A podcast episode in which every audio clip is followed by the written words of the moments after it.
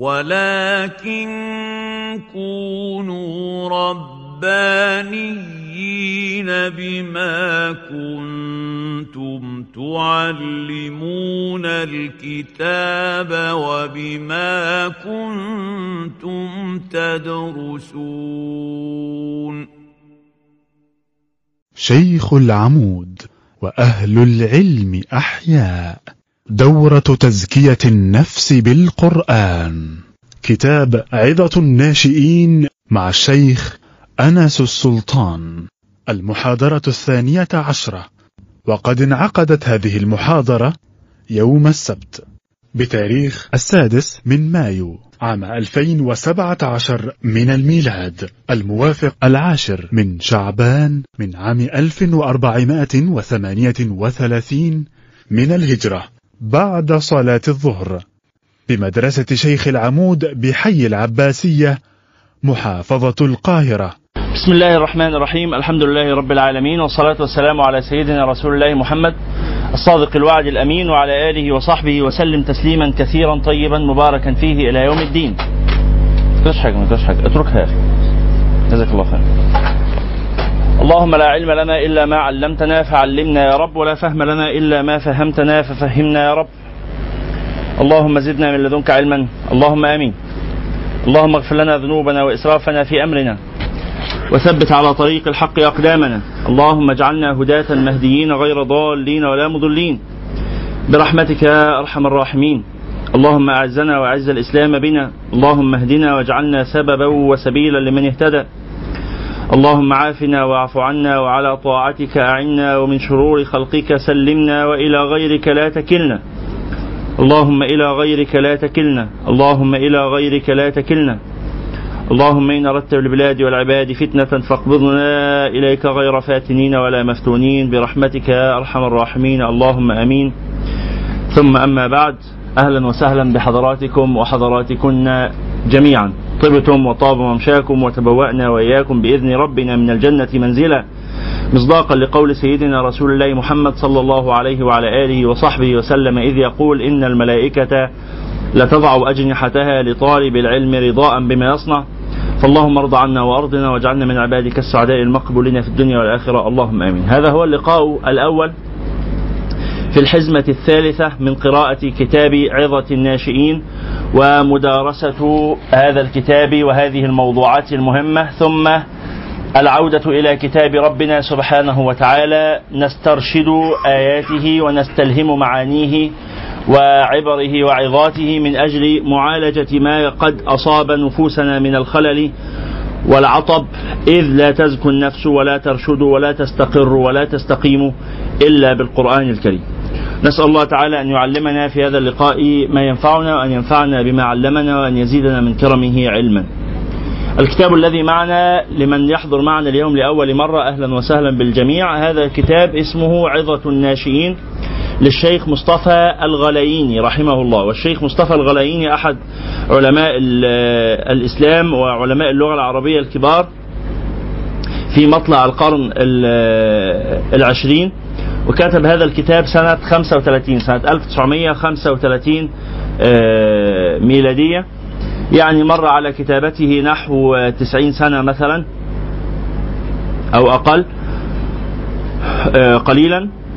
ولذلك هو كتاب يعني نستطيع أن نقول إنه كتاب معاصر. يعني كتب التزكية عادة التي تقرأ يعني في مجالس التزكية أقدم من ذلك.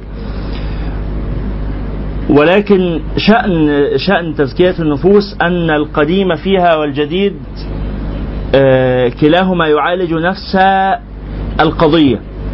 والنفس البشرية لها نمط متكرر عبر التاريخ فالبشر الذين كان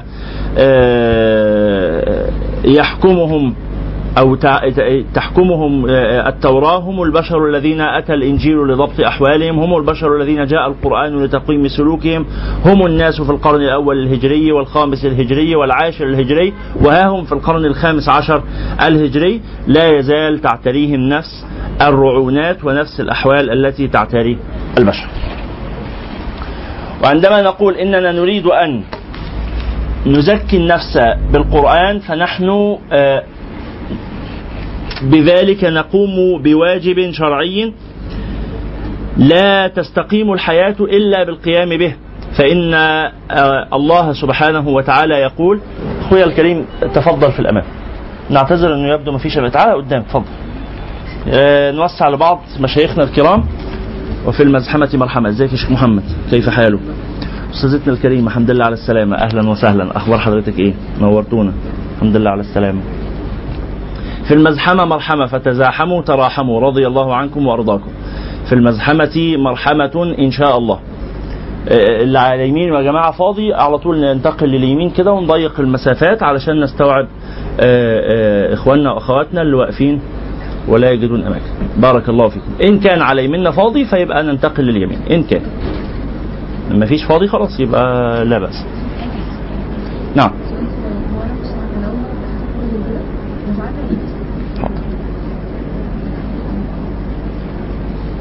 حاضر أهلا وسهلا. أهلا وسهلا.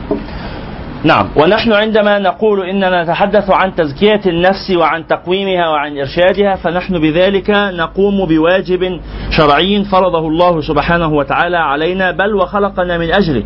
إذ يقول سبحانه وتعالى قد أفلح من زكاها بعدما أقسم بالنفس الله سبحانه وتعالى أقسم بالشمس وضحاها والقمر وما تلاها ونفس وما سواها فألهمها فجورها وتقواها قد أفلح من زكاها وقد خاب من دساها.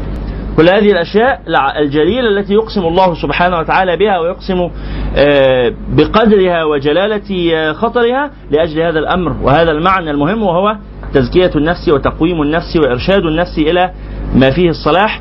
ولذلك الله سبحانه وتعالى أخبرنا على لسان سيدنا إبراهيم في القرآن الكريم أن الجميع يهلك يوم القيامة إلا من آه، كانت فيه خصلة معينة وخاصة معينة وأمر آه، خاص وهو أنه يأتي الله سبحانه وتعالى بقلب سليم. والنبي صلى الله عليه وعلى آله وصحبه وسلم صلوا عليه صلى الله عليه وعلى آله. في مرة من المرات حصل آه، إنه كان قاعد مع اصحابه الكرام ثم قال يدخل عليكم الآن رجل من أهل الجنة. الصحابه قاعدين ينتظروا مين هيدخل عارفين القصة مع سيدنا آه، عبد الله بن عمرو بن العاص رضي الله تعالى عنه. لو بس نتكرم بإغلاق الباب. شكرا. فيقول النبي صلى الله عليه وعلى آله وصحبه وسلم يدخل عليكم الآن رجل من أهل الجنة فيبص الصحابة فإذا برجل يدخل لا يعرفونه وليس مشهورا بالصلاح بين الصحابة يعني ليس من كبار المجاهدين. وأنتم تعلمون أن الصحابة عددهم كبير يعني كم كان عدد الصحابة؟ الذي الصحابة الذين كانوا مع رسول الله صلى الله عليه وسلم في غزوة في في حج في حجة الوداع كانوا نحو 114 ألف. 114 ألف صحابي. فالصحابة ده جيل ضخم من البشر مش ثلاثة أربعة أصحاب النبي صلى الله عليه وعلى آله. طبعا في الصحابة الكبار الذين نعرفهم سيدنا آه، أبو بكر سيدنا عمر سيدنا عثمان سيدنا علي سيدنا آه، طلحة بن عبيد الله آه، سيدنا عبد الرحمن بن عوف سيدنا سعد بن أبي وقاص سيدنا سعيد بن زيد سيدنا آه، عبد آه، قلنا مين؟ عبد الرحمن بن عوف قلنا سيدنا عبد الله بن عباس عبد الله بن عمر آه، بس دول من صغار الصحابة. سيدنا الزبير بن عوام من كبار الصحابة عبد الله بن الزبير ابنه من صغار الصحابة. عبد الله عبد الله بن عمر من صغار الصحابة. سيدنا أنس بن مالك سيدنا إيه؟ أبو هريرة سيدنا أبو رقية تميم بن أوس الداري سيدنا معاذ بن جبل. قولوا أسماء الصحابة كده الذين يذكرهم. سيدنا أبو موسى الأشعري رضي الله عنه سيدنا أبي ذر الغفاري سيدنا مصعب بن عمير سيدنا ها؟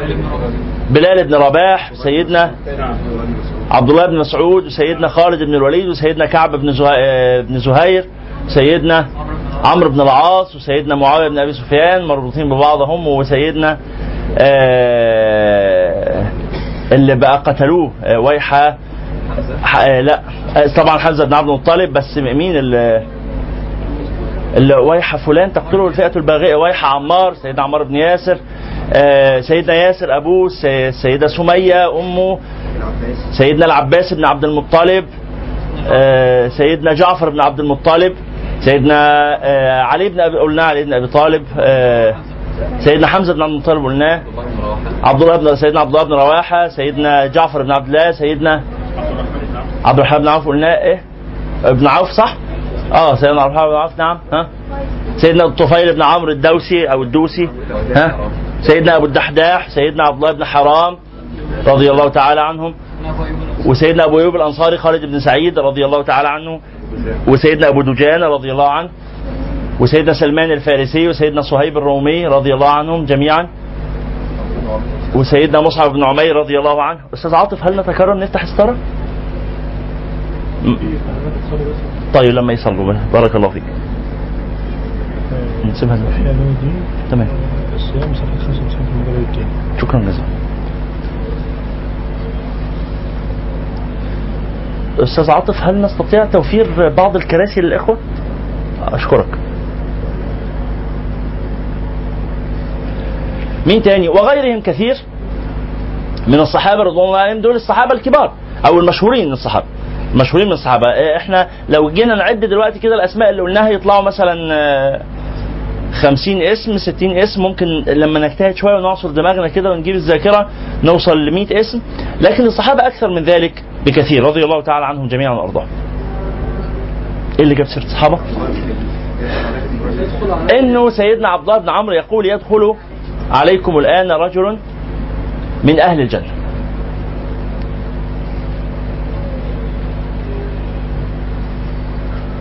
تمام اتفضل. فسيدنا عبد الله بن عمرو ينظر يشوف مين اللي دخل فيدخل واحد آه، يعني مش مش مشهور من الصحابة. وخلاص ويقعد ما حصلش حاجة. تاني يوم وهم قاعدين مع رسول الله صلى الله عليه وسلم في حائط أو في بستان فيقول يدخل عليكم الآن رجل من أهل الجنة. فيقعدوا ينتظروا شوية كده فيلاقوا اللي داخل هو نفسه بتاع ال- اليوم اللي قبله. فيتعجبوا يزداد العجب يعني لا يعرفونه. ثم ينتظرون وبعدين في اليوم الثالث يكونوا قاعدين فيقول لهم صلى الله عليه وعلى آله وصحبه وسلم يدخل عليكم الآن رجل من أهل الجنة، علي لو سمحت تستوى الناحية الثانية. فيقول يدخل عليكم الآن رجل من أهل الجنة. فإذ بنفس الرجل يدخل لليوم الثالث على التوالي. من هذا الرجل وما قصته؟ لا يعرفون. يعني ليه كده؟ ليه ثلاث أيام ورا بعض يدخل عليكم رجل من أهل الجنة، يدخل عليكم رجل من أهل الجنة، يدخل عليكم رجل من أهل الجنة ويطلع نفس الرجل في الثلاث أيام، هذا عجيب. فيروح الصح... يروح سيدنا عبد الله بن عمرو بعد المجلس يروح يجري ورا الراجل ده ويقول له يعني إيه ممكن تستضيفني في بيتك؟ فيقول له يعني أهلا بيك وسهلا وتفضل وكده ويستضيفه بالفعل ويبقى معه سيدنا عمرو بن عبد الله بن عمرو ثلاثة أيام. حق الضيف حق الضيف إن هو يقيم في بيت مضيفه ثلاثة أيام وبعدين ينصرف لقضاء آه، حاجته يعني. فاستضافه بالفعل ثلاث أيام وبعدين في نهاية ثلاث أيام قال له والله يعني أنا لم آه، آتي إليك ضيفا إلا لحاجة، قال وما حاجتك؟ أنت عايز إيه؟ هقضي لك الحاجة، ولو قلتها لي من أول يوم كنت قضيتها لك. قال وما حاجتك؟ قال أما إني سمعت رسول الله صلى الله عليه وسلم قال في اليوم الأول يدخل عليكم الآن رجل من أهل الجنة فدخلت ثم في اليوم الثاني قال ما قال ودخلت ثم في اليوم الثالث قال ما قال ودخلت. فأحببت أن أعرف بما زدتنا وكنت مفضلا علينا حتى بشرت بالجنة وأنت ما زلت في الدنيا ولست معروفا بيننا بالصلاح. أو يعني بظاهر التقوى عادي زي الصحابة يعني الجميع وننتظر رحمة ربنا سبحانه وتعالى. فلما أتيت عليك ضيفا نظرت إلى صلاتي وصلاتك وصيامي وصيامك وقراءتي وقراءتك فلم في القرآن يعني فلم أجد أنك زدت عني في ذلك شيئا فإيه المختلف؟ لا بتصلي أكتر مني ولا بتصوم أكتر مني ولا بتقرأ قرآن أكتر مني، فما المختلف؟ يعني لماذا النبي صلى الله عليه وعلى آله وصحبه وسلم يكرر القول عنك في المرات الثلاث يدخل عليكم الآن رجل من أهل الجنة. فقال والله لا ليس لي من صلاتي غير ما رأيت ولا من صيامي غير ما عرفت ولا من قراءتي غير ما سمعت. يعني أنا ما عنديش شيء زائد لا في القرآن ولا في الصيام ولا طب أمال إيه المختلف؟ قال ولكني لا أبيت ليلة وفي قلبي على مسلم ضغينة. ابدا. هذا هو ما عندي. أنا لا أبيت ليلة وأنا أحمل الحقد على أحد وأنا أحمل الضغينة على أحد. قال بهذه. سيدنا عبد الله بن عمرو قال له بهذه. كده كده أنا فهمت معنى كلام النبي صلى الله عليه وعلى آله وسلم. ولذلك لما نقول تزكية النفس ما ما معنى تزكية النفس وإرشاد النفس وتوجيه النفس وإصلاح النفس؟ تزكية النفس معناها تنقيتها من الأكدار. وتنقيتها من ال من ال ال الأمراض وتنقيتها من الخبائث وتحليتها بكل خلق سني رباني علوي. وهذه التزكية وهذه التخلية وهذه التحلية وهذه التجلية وهذه الترقية وهذه ال ال ال ال العملية النورانية الربانية لا تتم في النفس إلا من خلال القرآن. لا تزكو النفس ولا ترشد ولا تهتدي ولا تضيء. ولا تغتسل جنباتها إلا بكتاب الله سبحانه وتعالى. ولذلك ينبغي على كل مسلم أن يكون صاحب ورد دائم في قراءة كتاب الله سبحانه وتعالى. وقراءة كتاب الله يجب أن تكون قراءة الباحث عن نفسه فيه. قال الله سبحانه وتعالى وهذه آية حاكمة للقراءة. لا ينبغي أن ننساها أبدا ونحن نقرأ القرآن. قال الله سبحانه وتعالى لقد أنزلنا إليكم كتابا فيه ذكركم. فيه ذكركم. وهذا معناه أنه أنا موجود في القرآن. وحضرتك وحضرتك والأخت اللي قاعدة ورا والأخ اللي قاعد في البيت في القرآن. في المصحف الذي أفتحه بين يدي اليوم وأنا أفتحه الله سبحانه وتعالى قال لي هذا الكتاب فيه ذكري. فإذا أنا فتحت الكتاب ولم أجد فيه ذكري يبقى عندي مشكلة. لم أستطع أن أرى فيه ذكر ربنا قال لي أنا موجود جوه طب أنا مش لاقيني طب أعمل إيه؟ يبقى في غشاوة في مشكلة. هناك شيء ما منعني من أن أعرف نفسي وأن أعرف حالي. إيه معنى إن القرآن فيه ذكري؟ أن القرآن فيه أنماط البشر. البشر أنماط. وهذه الأنماط موجودة طول عمر الدنيا. طول عمر الدنيا. والأنماط اللي بتحكمنا هي الأنماط اللي حكمت كسرى وقومه وقيصر وقومه وفرعون وقومه. والصحابة والكفار والروم والهكسوس والصينيين واليابانيين وكل البشر فيهم أنماط نفسية احتياجات رغبات طموحات أحلام أماني مجموعة أفكار ومجموعه قيم ومجموعة مشتركات إنسانية موجودة عند جميع البشر. فالله سبحانه وتعالى قال لقد أنزلنا إليكم شكرا جزيلا. لقد أنزلنا إليكم كتابا فيه ذكركم يعني حال البشر وما يصلح البشر وما تستقيم به حياة البشر. وأنا واحد من البشر نمط من الأنماط شكل من الأشكال. الظالم أنا جوايا من الظلم شيء. والصالح جوايا من الصلاح شيء. والخير جوايا من الخير شيء. والطامع جوايا من الطمع شيء والغني جوايا من الغنى شيء والفقير جوايا من الفقر شيء. كافة الصفات اللي القرآن الكريم يتكلم عنها في, في الإنسان موجود جوايا منها نسبة. بس نسبة قد إيه؟ هو ده اللي محتاج تدقيق في الاكتشاف ثم جهد في الإزالة أو جهد في الإكثار إزالة الشر والإكثار من الخير. بهذا بهذه النفسية وبهذه الروح وبهذه الحالة نقرأ القرآن. الذي نفعله في كل مرة في هذا المجلس أننا نأتي ومعنى المصاحف. معنى المصاحف. معنى هذا الكتاب عظة الناشئين فيه مجموعة من الموضوعات التي يحتاج إليها الإنسان من أجل أن يضبط روحه وأن يضبط وجدانه فنحن نقرأ الكتاب الفكرة من الكتاب.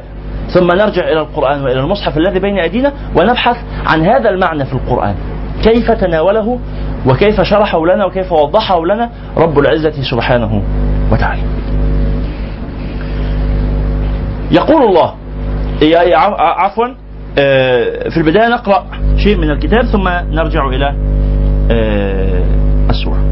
يقول صاحب الكتاب رحمه الله ونفعنا وإياكم بعلومه وعلوم مشايخنا في الدارين آمين الجود. هل الخط على الشاشة واضح للناس في الخلف؟ في الخلف واضح الخط؟ بارك الله فيك. قبل أن نقرأ من الكتاب الناس اللي جداد معانا النهاردة أهلا وسهلا هل في أي سؤال؟ أي سؤال أي استيضاح أي إضافة مشاركة؟ أهلا وسهلا. قال الجود. المال كالقوة. خادم للإنسان عند مسيس الحاجة. إذا رأيت أحدا وقد هم بالبطش بك تدفع عنك أذاه بما لديك من قوة. وإن رأيته وقد اعتدى على أحد الضعفاء دفعتك الحماسة إلى مقاومته ورد عدوانه عدوانه عن ذلك الضعيف صدقة عن قوتك. وتكون حماستك أشد إذا رأيت أعداء مندفعة إلى مقاتلة الأمة وتخريب بلادها. وكذا إن شعرت نفسك بحاجة إلى أمر من الأمور التي تنتفع بها. فإنها تدفع هذه الحاجة بدفع جزء من مالك تبذله في سبيلها. وإذا وجدت بائسا أو ضعيفا لا حول له ولا قوة حركتك عاطفة المروءة والحنان. فبذلت ما تسمح به نفسك لسد عوزه ودفع حاجته. وإذا رأيت الأمة كلها في حاجة إلى البذل وأنت قادر على إصلاح فاسدها ولم شعثها كان اندفاعك. كان اندفاعك إلى الإحسان أشد وشعورك بالحاجة إلى البذل أقوى. وكما يصدف الجبن الإنسان عن رد ما أراد به أو بغيره السوء عن رد ما أراد به أو بغيره السوء فيكون عرضة للمؤذين ومروة للقارعين. حجرا يعني. فكذلك البخل يصرفه عن البذل فيما يحتاج إليه من الحاجات حتى الضرورية منها. ومن جبن عن دفع الأذى عن نفسه وبخل بما يسد به ثغور حاجاته فأجدر به أن يجبن في مأزق الدفاع عن غيره ويبخل ولو بالقليل من المال ينفع به سواه. وكما يضيع التهور في أكثر الأحيان حياة من عشقوا الإقدام على المخلوقات من غير ترو ولا تفكر فلا ينفعون بإقدامهم ولا ينتفعون فكذلك الإسراف وتبذير الأموال فيما لا يفيد يكون داعيا لضياعها وأن يبيت صاحبها بعدها حزينا أسيفا وكل ذلك ناتج من نتائج ترك الاعتدال. فلنلزم الاعتدال. صاحب المال يتلف ماله الإسراف والإنفاق على ما لا خير فيه لنفسه ولا لأمته فيصبح بعد حين في عداد الأوفاض خال الوفاض صفر اليدين فارغ الكفين. والشح يسوقه إلى النصب في كسب الذهب ثم يحول دونه ودون أن يحيا حياة السعداء ومن المال إلا وس وما المال إلا وسيلة للعيش الرغد. وسبب لتخفيف الفاقة عن الفقراء ومداواة آلام البائسين. فكما لا خير في قوة بلا شجاعة لأن صاحبها يكون جبانا أو متهورا فلا خير في فلا خير في مال بلا جود لأن صاحبه يكون بخيلا أو مسرفا. إن كان في الإسراف إتلاف الأموال ففي البخل بها إرهاق النفس عسرا. فالويل في كلتا الحالتين نازل بمن تخلق بهما. تعالوا نفتح مصاحفنا.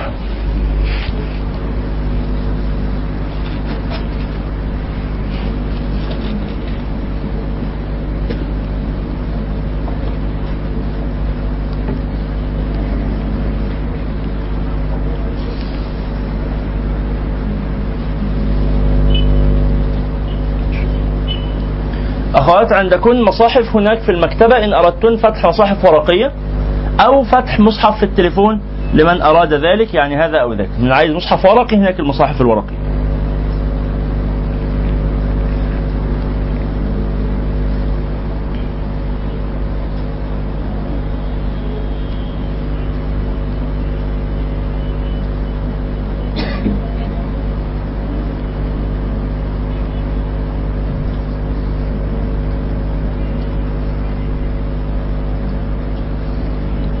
نفتح سورة الأعراف. آية رقم 31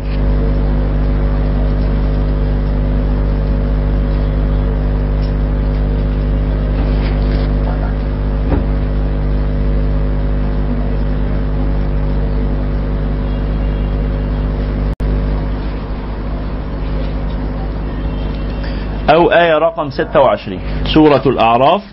آية رقم 26 صفحة 153 على طبعة المدينة.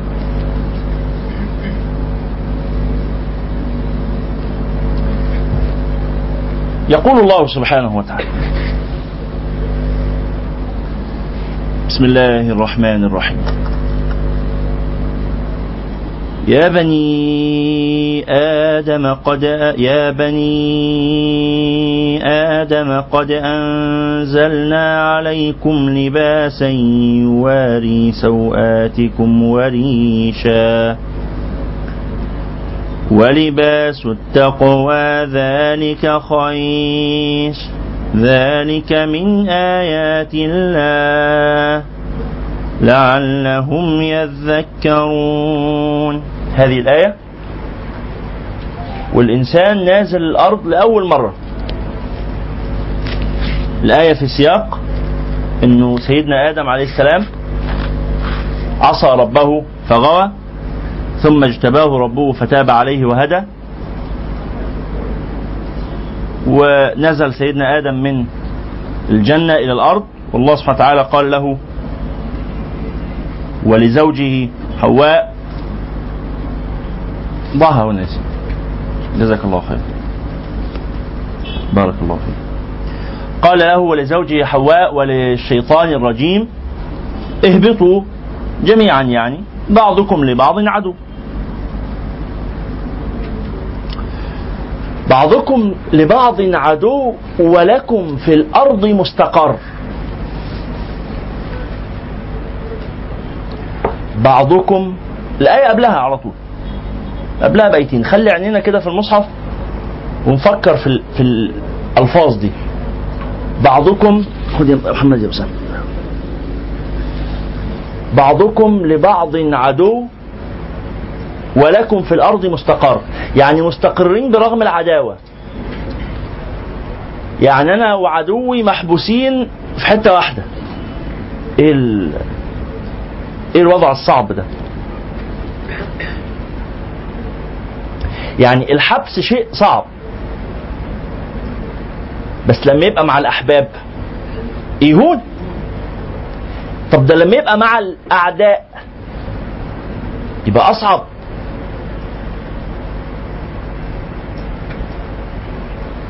والواحد يبقى الموت بالنسبة له أهون من كده. الله يقول لنا اهبطوا. حاضر يا رب. بعضكم لبعض عدو. طب يا رب خلص الأيام دي على خير ولكم في الأرض مستقر.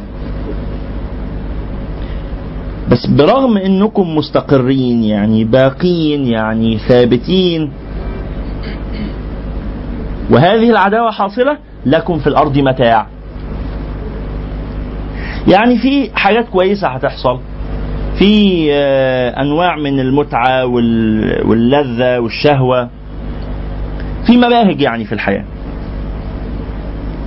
ولكم في الأرض مستقر ومتاع إلى حين.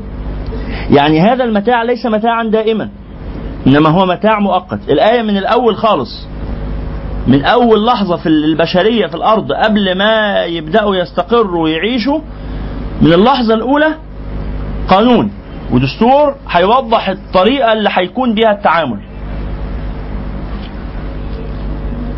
بعضكم لبعض عدو. إحنا بس اصل نسينا ان هو عدو. إن الشيطان لكم عدو. فاتخذوه عدوا. لا إحنا نسينا. نسينا ليه؟ لأنه الإنسان ينسى. وما سمي الإنسان إنسانا إلا الانسان وأزمة الإنسان لما بينسى فيتلخبط مين العدو ومين الحبيب فيفكر إنه العدو حبيب.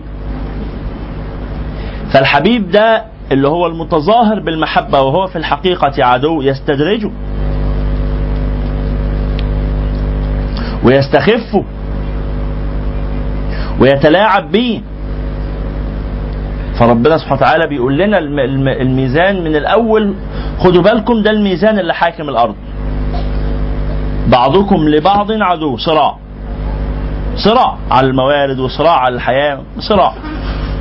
ولكم في الأرض مستقر أنتوا ثابتين فيعني وطن نفسك على الصراع ده شوف هتعمل معاه إيه؟ وفي متعه بس متع مؤقتة ومتاع إلى حين قال فيها تحيون وفيها تموتون ومنها تخرجون. كل حاجة هنا في الأرض أهي. شوفوا بقى مواردها وعمروها وشوفوا حياتكم فيها. يا بني آدم ساعدناكم علشان تعرفوا تباشروا شؤون حياتكم وذلك لضعفكم. إنك لن تخرق الأرض ولن تبلغ الجبال طولا. الإنسان ضعيف. ولما نشوف كم الاحتياجات والموارد اللي هو بيستنزفها من الطبيعة عشان يعرف يعيش شيء خيالي. يعني وإحنا قاعدين هنا وقاعة صغيرة اهي خالص. إيه بقى اللي شغال؟ مراوح شغالة كهرباء استهلك اللبس اللي إحنا لابسينه ده. كام عامل كام انسان اشتغل عشان أقدر أنا البس هذا الثوب هذا القميص ولا هذه العباءة؟ كم واحد عمل زرع وكم واحد جمع القطن كم واحد نسى غسل القطن وبعدين نسجه وبعدين عمل منه قماش وصبغه بالألوان وبعدين نقل القماش من مصنع القماش إلى المكان اللي بيصدروه ولا اللي بيستوردوه ولا اللي بينقلوه لغاية لما وصل إلى تاجر القماش. تاجر القماش الكبير اللي باعه إلى تاجر التجزئة وتاجر التجزئة اللي باعه لي وأنا اللي رحت خدته واديته للترزي والترزي اللي قعد اشتغل عليه مش ترزي واحد ده الترزي ومعاه الصبيان اللي معاه. ثم إذا بالترزي علشان يصنع لي هذا الشيء ده محتاج مكنة الخياطة. مكنة الخياطة دي ليها لفة تانية. دي حديد. مين اللي بيستخرج الحديد؟ مين اللي بيخرطه؟ مين اللي بيصنعه؟ مين اللي بيعمل منه مكنة؟ وبعدين مين اللي بيسواها في العالم ويبيعها ويصدرها وينقلها؟ ويصينها ويجيبها عند الراجل الترزي بتاعي اللي بيعمل لي ال- ال- العباية. وبعدين الترزي ده شغال ومعاه صبيانه واصحابه والناس اللي بيشتغلوا. وبعدين لقوا إنه ده في زرار الزرار يعني بلاستيك يعني بترول يعني استخراج ال- البلاستيك مشتقاته تصنيع الزراير نقل الزراير يعني كام بني آدم كام رقم يعني يعني علشان أنا ألبس هذه العباءة كم بني آدم اشتغل؟ عدد ضخم جدا جدا جدا. والرقم ممكن يطلع آه، آه، يعني مذهل يعني ممكن ممكن نتفاجئ فعلا بإنه بس علشان الجلابية دي اللي أنا لابسها ممكن يكون في ألف واحد اشتغل. ألف واحد. علشان يخدموني اللي أنا بدوري بخدمهم في حاجة تانية وهكذا. والناس للناس من بدو ومن حضر بعض لبعض وإن لم يشعروا خدموا هل يستطيع الإنسان أن يعيش وحده فيزرع وحده ويجمع المحصول وحده وبعدين ياخده هو اللي ينسجه لوحده ويعمل منه القماش لوحده ويصن ويستخرج الحديد لوحده ويصنع منه مكن الخياطة لوحده وبعدين يفصل لنفسه. يعني كل ده علشان كنت أفصل لنفسي. ثوب وأمتنع عن كل حاجة في الحياة لأجل هذا. طب ده أنا أنا هزرع اللي هلبسه ولا هزرع اللي هاكله ولا هزرع اللي اللي هبني منه بيتي ولا هزرع إيه ولا إيه ولا إيه؟ ولا هربي حيوانات ولا الحيوانات هتاكلني فالله سبحانه وتعالى قال يا بني آدم أنتم ضعفاء إحنا أنزلنا عليكم لباسا يواري سوآتكم طيب يا رب ماشي الحمد لله. عندنا لبس يواري السوءة. يواري السوءة يعني يواري العورة. بس يا رب لا أنت أنزلت أنزلت ما يواري سوآتنا وإحنا عايزين نكشفها. إحنا قررنا نكشف سوءاتنا. ليه؟ علشان صاحبنا الشياطين والشياطين قالت لنا إنه يا رب الذي أخبرتنا أنت أنه سوءة الشياطين قالت إنه ليس سوءة بالعكس دي مفاتن ودي مباهج ودي زينة ويلا نتعرى. ويعملوا شواطئ للعراة وشواطئ للي مش عراة. اللي مش عراة دول اللي هم بيلبسوا البكيني بقى كده ما بقوش عراة. كده محتشمين ومش عراة الحمد لله. خلاص؟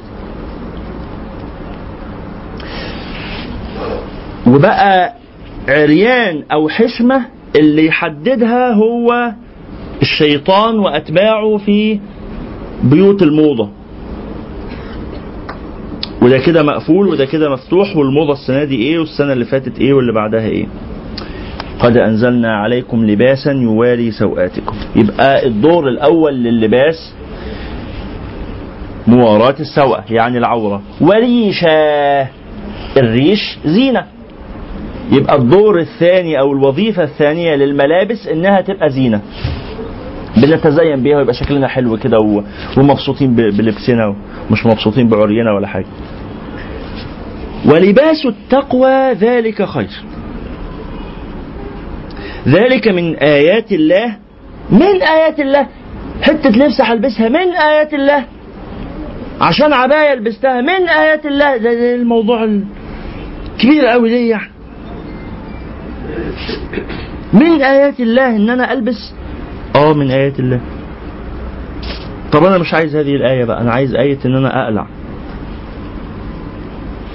وأتعرى وأعري بناتي وعيالي وولادي وصبياني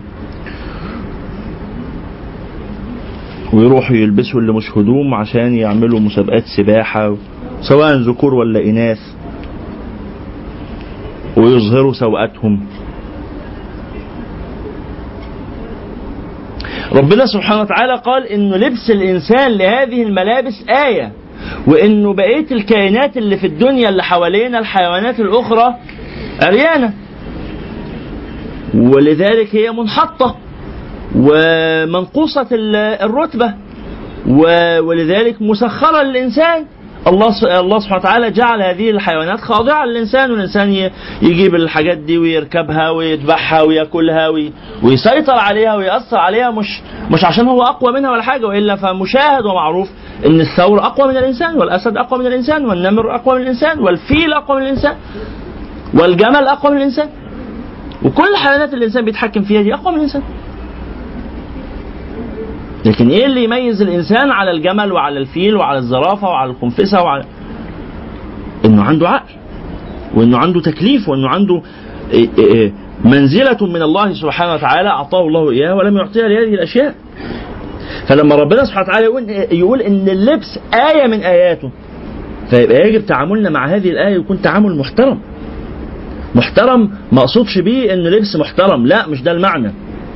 المعنى تعامل محترم لفكرة ان أنا الآن عندما ألبس أنا وأنا بلبس كده هذا السلوك مني كإنسان سلوك مشرف. فأحمد الله الذي لم يخلقني عاريا.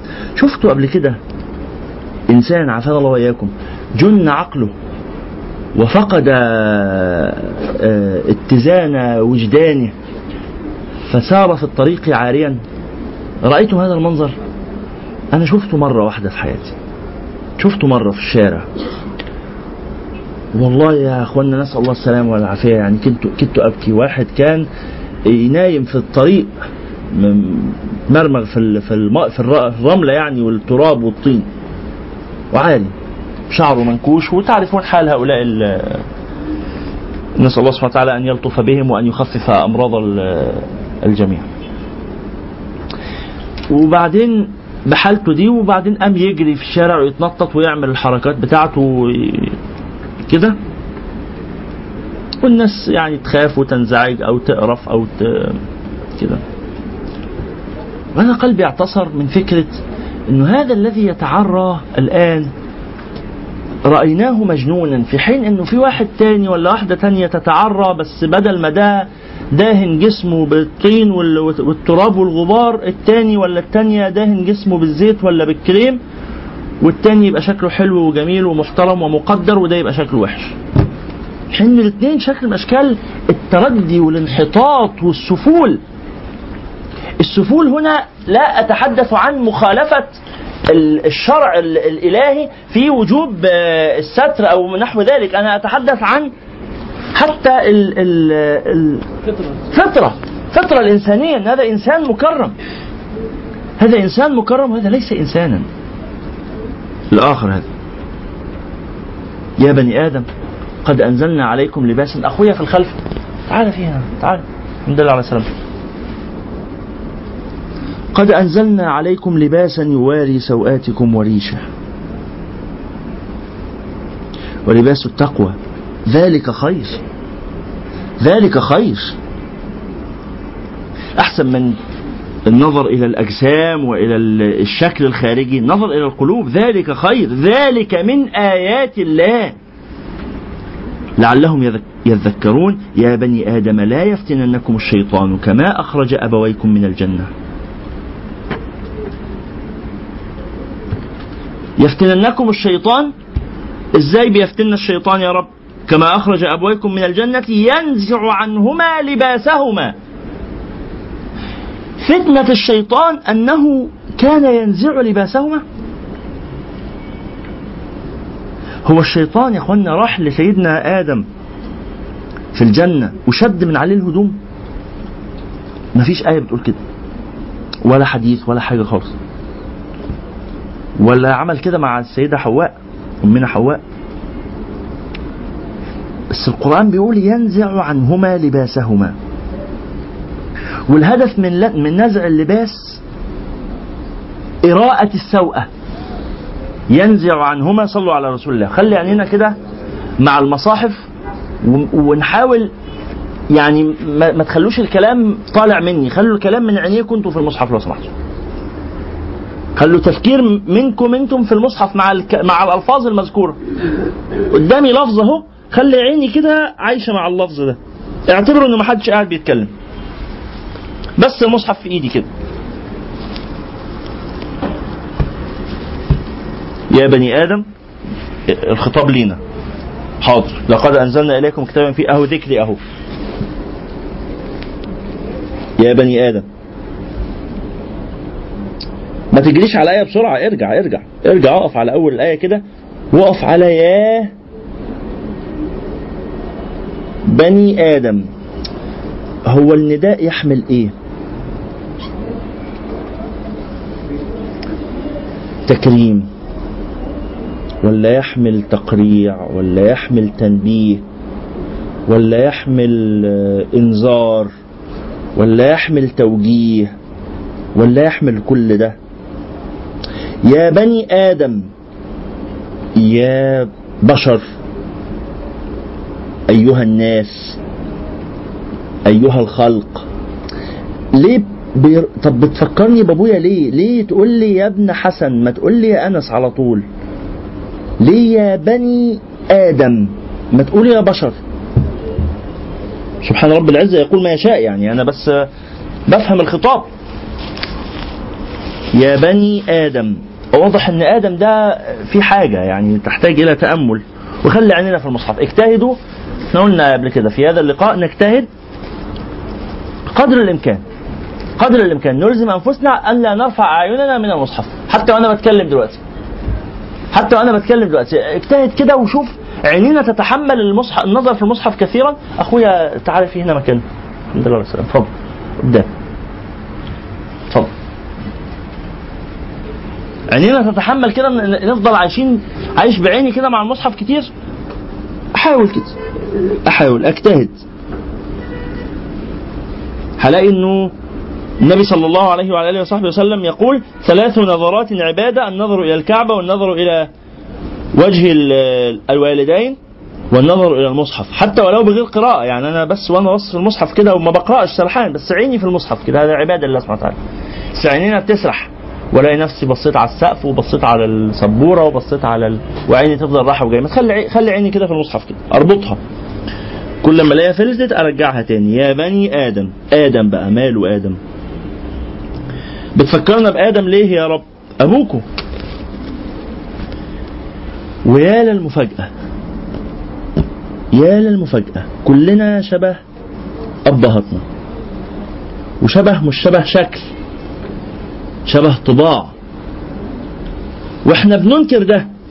وإحنا صغيرين وحمقى. وعندنا 12 سنة 15 سنة 20 سنة. لا أنا مش زي أبويا وأنا مختلف وأنا هعمل تجربة مختلفة. 22 سنة 25 سنة. والله يعني أنا هعمل تجربة مختلفة أكيد بس أبويا واضح إن هو ما كانش بال بالفظاعة اللي أنا كنت متخيلها يعني. 30 سنة لا والله ده أبويا ده غلبان بس أنا برضه هعمل تجربة مختلفة. 35 سنة والله يا أبويا غلبان وإن شاء الله يعني ربنا يعيني ها. أتلافى الأخطاء اللي وقع فيها. أي نعم مش هوصل لكل الأحلام العظيمة اللي كنت بحلم بيها بس ربنا يأذن. أربعين سنة آه، يا رب صبرني وصبروا وصبرنا على بعض. أنا بحبه والله. بحبه جدا كمان. ده طلع أب جميل بس أنا تجربتي خمسة وأربعين سنة خمسين سنة الله يرحمه ويحسن إليه كان أب رائع. وأنا تجربتي مش مختلفة أوي يعني حاجة بسيطة اختلافات هينة. خمسة وخمسين سنة ستين سنة أبويا ده ما كانش فيه منه أصلا. يا ريتني أعرف أعمل تجربة زي تجربته. ويبقى طموح إن إحنا نبقى زيهم. وال وال والسعيد من اتعظ بغيره والشقي من اتعظ بنفسه. والسعيد من اتعظ بغيره. الكلام ده يقوله كل جيل. ويفضلوا العيال حمير. يعني أقصد بحمير إنهم ما بيفهموش. ما بيفهمش يعني إيه أبوه بيزعق له فبيفهم بياخد الزعيق ده على أعصابه وأبوه بينسى هو كمان إنه في وقت من الأوقات كان عيل صغير وكان الزعيق برضه هو ما بيتقبلوش. أنتوا فاهمين اللي أنا بقوله؟ الأب اللي بيزعق لابنه بينسى ان هو لما كان ابن ما كانش بيحب أبوه يزعق له. والابن اللي مش قابل زعيق أبوه ليه؟ وشايف إن ده تحكم مش واخد باله إن ده فعلا في مصلحته إنه أبوه فعلا خايف عليه. وهي لعبة صغيرة كده. وفي النهاية ربنا سبحانه وتعالى عمال يربطني بأبويا ويقول لي خد بالك يا ابنه. طب ما تقول لي يا أنس. لا مش هقول لك يا أنس هقول لك يا ابنه. علشان كل لما أقول لك يا ابنه تفتكره. ولما تفتكره تدعي له. ولما تدعي له تقدر اخطائه وما تجلدوش وما تقسوش عليه.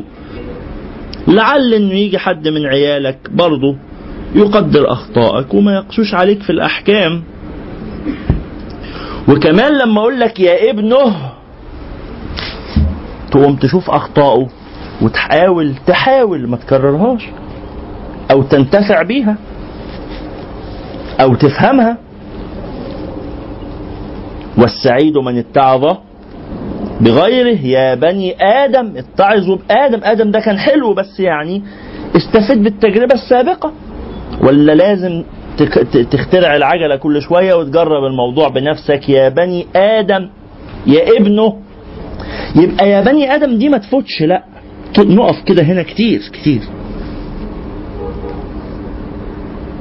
يا بني آدم. نعم يا رب. لا يفتننكم الشيطان. اوعى. اوعى الشيطان يفتنك. إيه ده؟ ليه يا رب؟ اصله فتن أبوك قبل كده. وكفاية بقى. هتفضلوا جيل ورا جيل. تفتنوا منه. ما تحاربوه. قوموه وفتنة الشيطان أنه أخرج أبويكم يا بني آدم من الجنة. ينزع عنهما يا بني آدم لباسهما ليري- ليريهما يا بني آدم سوآتهما. يعني هدف نزع اللباس هو إراءة السوءة إظهار السوءة السوءة يعني العيب والسوءة هنا مش السوءة الحسية مش العورة بس اللي هو الجسد لا. السوءة المعنوية. يعني معناها إن لما بنقول اللباس الساتر للعورة ما بنقولش هنا إن ده واجب على النساء ليس واجبا على الرجال. ولا واجب على الرجال ومش واجب على النساء. ده واجب على البشر كلهم. إن أرادوا ان هم يبقوا بني آدمين أصلا يبقوا بشر يبقوا مكرمين. الإنسان يميل للستر ويميل والستر تاني الستر مش هدوم. الستر فضيلة والستر قيم وربنا يا رب يصبغ علينا الستر. لأنه إذا فضحنا هلكنا. الفضيحة وحشة. الفضيحة وحشة نعوذ بالله من الفضيحة. فتغطي نفسك. نسأل الله أن يسترنا جميعا. يستر ذنوبنا ويستر عيوبنا. لو أنا قاعد دلوقتي واللي جوه دماغي مش مستور وأنتم تعرفون ما الذي أفكر فيه أنا هبقى في أمان. يعرف حد يقابل حد ولا يتكلم مع حد؟ ده إحنا طول النهار بنشتم بعض في دماغنا كده. وأنا لما أقابل حد أنا ما بحبوش بس غصب عني أقوم لازم أبتسم كده و... وأقول له الحمد لله على السلامة واهلا وسهلا وربنا يبارك فيك. طب هو لو سمع اللي جوه دماغي لا مشكله يبقى ربنا خلق دماغي أصلا الحمد لله اللي فيها مستور. طب لو لو حد اطلع على اللي جوه بطني. استغفر الله اللي جوه بطني ده اللي هو بيطلع في الحمام بعدين. بس مستور أهو الحمد لله ومحدش شايف حاجة ومحدش شامم حاجة وخلاص ومستورين. ومليانين عيوب من فوقنا لتحتنا مليانين. كده يعني البني آدم بص جواه تلاقي إيه؟ كتير فوقه وتحته. تمد حتة قطنة في ودنه وتطلع بحاجات غريبة. تمد حتة قطنة في مناخيره وتطلع بحاجات غريبة. تم... كل فتحات ومخارج جسمه مزعجة ومقرفة وما وفي النهاية كل ده متغطي و... وخلاص والجلد من بره شكله حلو. ويا مداري وراه. الحمد لله نعمة. يجي واحد يقول لا أنا ما عايزش الكلام ده يستخبى. أنا هظهره. يقوم معور نفسه ومخلي الدم يسيح ويسيل. ويقول أنا عايز اللي جوايا يبقى زي اللي برايا هو ده الاتساق.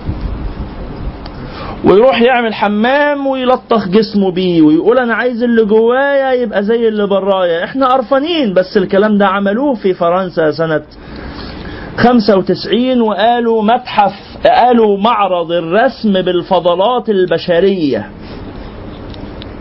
لمجموعة من الفنانين التشكيليين. الموضوع مش مضحك ولا مقرف.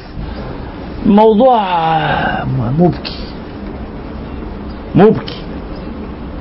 دي قصة حقيقية عن إنس... عن مش إنسان بقى عن بشر. المفروض إنهم بشر. لكنهم قرروا يبقوا مش بشر. قالوا إحنا فنانين وعندنا أفكار وعايزين نبقى متسقين. فهو هو ده شكل الاتساق إن إحنا نرسم بفضلاتنا. لماذا ت... لماذا تشمئز من نفسك؟ لازم تكون فخور بنفسك كده وبكل ما فيها. أنت متخلف يا ابني. آه متخلف آه. بس هو بيقول على نفسه متقدم ده في باريس ده في مدينة النور بيقول على نفسه متقدم. المفاجأة إن أنا كمان بقول عليه متقدم. وبعتبره مثلي الأعلى وتعليمهم أحسن تعليم وثقافتهم أحسن ثقافة وفكرهم أحسن فكر. وعلى رأي عم بيرم التونسي اللي قلنا عنه كتير باريس تقول قصروا الفساتين نقصرها ترجع تقول طولوا حالا نجرجرها. يا بني آدم. يا بني آدم فوق مع الرسالة يا بني آدم. لا يفتننكم الشيطان. استر نفسك واستر عيوبك. بتعمل معصية ما تجاهرش. لا تجاهر. كلكم معافى. كل أمتي معافى. كل أمتي معافى. إلا المجاهرون. المجاهر اللي يفعل المعصية بالليل وقد ستره الله ثم يصبح فيهتك ستر الله عليه. كل أمتي يدخلون الجنة إلا من أبى. قيل ومن يأبى؟ في حد يقول لا الجنة. آه في في. قيل ومن يأبى يا رسول الله؟ قال من أطاعني دخل الجنة. يا بني آدم ومن عصاني فقد أبى. يا بني آدم. والخطاب يعني بعد شوية من تكراره مع نفسك تبدأ تقول يعني لا ده الخطاب مش مش بس تقريع ده ده خبط فوق الدماغ. يا بني آدم. آية عمالة تنادي عليك. لا يفتننكم الشيطان. كما أخرج أبويكم من الجنة. ينزع عنهما لباسهما ليريهما سوآتهما. إنه يراكم هو وقبيله من حيث لا ترونهم. بيدخل لك من مدخل كل شوية مداخل مختلفة وألاعيب مختلفة وأفكار مختلفة. وفلسفات مختلفة. ويلعب على نفسك. وانت مش بس غافل عن انه عدو ده انت كمان مستسلم. لخططه يعني أخوات في الخلف ممكن نقفل الشباك ونفتح التكييف لو سمحتوا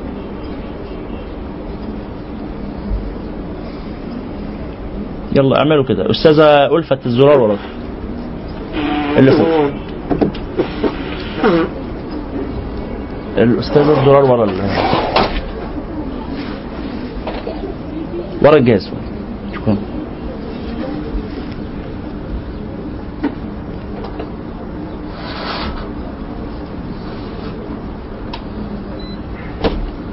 شكرا.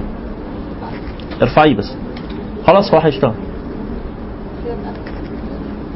اشتغلوا. شكرا.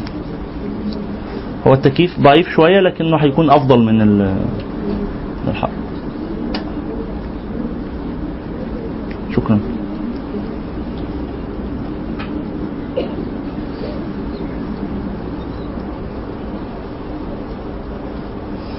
صلوا على رسول الله.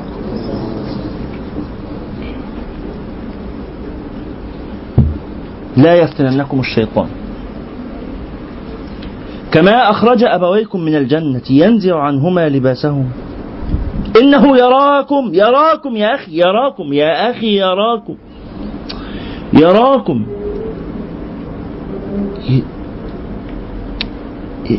يعني متابعك ومركز معاك ومراقبك وشغلته في الحياة هو غويتك قاعد فضيلك. وانت مش منتبه. متصالح معاه ومطبع العلاقات. في صداقة متبادلة. يا مع الشيطان يا مع أوليائه وبتقول بس ما تقولش عليهم أولياء. عادي دول أصدقاء. لا دول مش أصدقاء دول أصدقاء الشيطان. عادي والله هم صحبتي كده و... ودماغي كده وحياتي كده و... وشلتي كده وإحنا مع بعض كده. مع بعض كده للنار. إنه يراكم.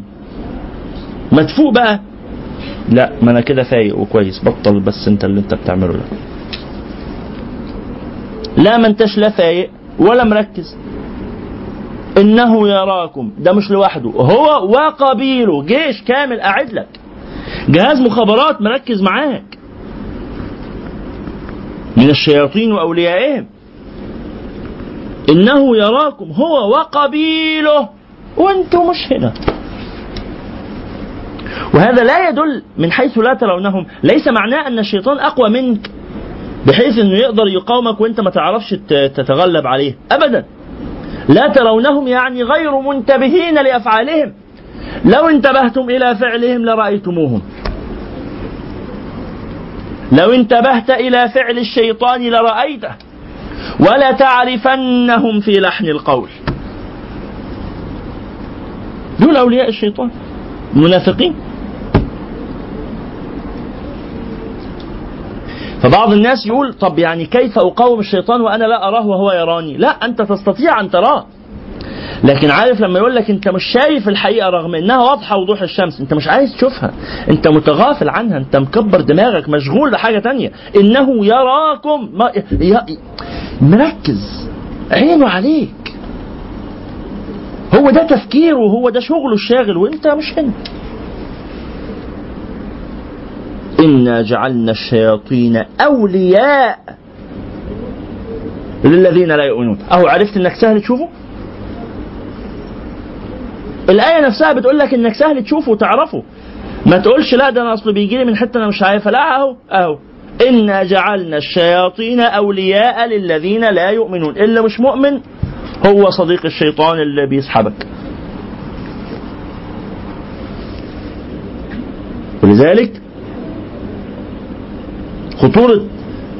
ال اختلال المفاهيم إنه مين هو مؤمن ومين هو مش مؤمن ومين كافر. فيبقى كلنا مؤمنين و... وكله يحب بعضه وخلاص. وبس أصل ما نحكمش على حد. مش عايزين نحكم على حد. وبعدين مسلم زي مسيحي زي يهودي زي بوذي زي كونفوشيوسي زي كلنا نحب بعض وكلنا إن شاء الله ندخل الجنة وهي هيصة. آه قوي قوي وربنا واحد ماشي يبقوا ثلاثة ماشي يبقوا خمسين ماشي يبقوا أي حاجة عادي. ماله بوذا يعني؟ ما نعبد بوذا الله. إحنا يعني هنكفر إخواننا البوذيين شركاء الوطن أستغفر الله. افرض يا أخي مصر فيها بوذيين يا أخي. هنكفرهم يعني نروح نقتلهم يعني؟ الله. وبعدين تقول لي المسيحيين كفار كفر في عينك يا اللي مش مش متربي. المسيحيين دول مؤمنين أحسن مني ومنك كمان.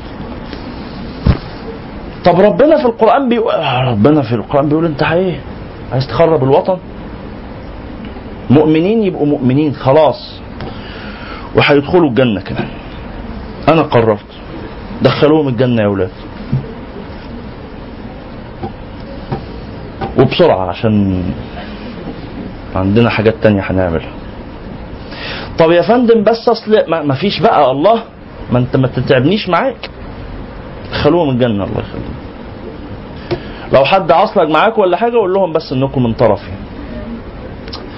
موضوع أصله ماسخ وما يضحكش. ما ينفعش أصل طب أعمل إيه في الآية؟ ما أنا ما بدخلش. والله الله سبحانه وتعالى لو أراد لي أدخل البشر كلهم الجنة ما الله يفعل ما يشاء بس لا مؤاخذة إحنا آسفين. حضرتك مش ربنا. ما- ده ده من غير بس ما نكون إيه قلقنا مزاجك يعني. بدرجة ما آه، آه، حاسين إن حضرتك احتمال ما تكونش ربنا أو كده. لا أنا ربكم الأعلى. أنا ربكم دي مش كلمة قالها واحد و... وراح. ده نمط يا إخوانا. ده نمط. نمط. نمط يعني موجود. كان وما زال وهيفضل واليوم القيامة في واحد بيحكم وبيقول أنا ربكم. أنا آسف أنا ضايقتك كتير معلش. وبيقول أنا ربكم وهيفضل كده. وإن أريكم إلا ما أرى والشرى شرط- شرطي والكلمة كلمتي واللي أقوله يتسمع يا بهايم. فيكم حد بيفهم؟ ولا فيكم حد بي بيعرف يخطط للمستقبل؟ ولا يعرف الصح من الغلط؟ ما فيكوش. خلاص يبقى تسمعوا كلام. يبقى أنا اختارتني العناية الإلهية يبقى أنا مبعوث السماء إليكم. دي فكرة. أنا ما بتكلمش هنا عن سين وصاد. دي فكرة بت بت بتتغرس كده جوه دماغ مش آه، آه، بت يعني آه، مش جوه رئيس جمهورية ولا حتى رئيس وزارة ولا وزير. جوه رئيس مصلحة وجوه عمدة بلد وجوه شيخ الغفر وجوه رئيس ثلاث تنفار في كشك. ثلاث تنفار في كشك. بس خلاص. مجرد انك نور ده. شكرا. ثلاث تنفار في كشك واحد يبقى رئيس عليهم خلاص. يعتبر نفسه ملك العالم. ليه؟ دول يمشوا تحت أمره وأصبحوا عبيد. ملكه. فنرجع تاني. كل الناس مؤمنين. طب يا الله سبحانه وتعالى يقول لقد كفر الذين قالوا إن الله ثالث ثلاث طب لقد كفر الذين قالوا إن الله هو المسيح عيسى ابن مريم. لا لا ما فيش الكلام ده. لو سمحتوا. وينزل تعميم من وزارة الأوقاف أيام حسني مبارك لأئمة المساجد سنة 2005 في صلاة التراويح في رمضان. ما يقرؤوش الآيات اللي بتتكلم عن اليهود. ده خبر آه. ده ده حدث يعني. هذا كان في 2005 ما تقروش يا جماعة الآيات اللي بتتكلم عن اليهود عشان خاطر ده بيعمل مشاكل. حاضر. طب ن... نقطع لكش الكم صفحة دول من المصحف؟ لا ما بلاش. خليهم. خليهم عشان يبقى الشكل حلو كده مصحف كبير ونبوسه وإحنا بنديه لحد هدية كده يبقى برضه حاجة مفتخرة كده. لحسن أصل عارف لو هنقص ما هيتبقى لناش في القرآن غير بتاع قد كده فأنا حد للناس هدية بتاع قد كده حتى مش لايقه بمقامي أنا بس عايز اديلهم كتاب كبير كده. آه. ما تقروش الآيات اللي بتتكلم عن اليهود. آه. آه.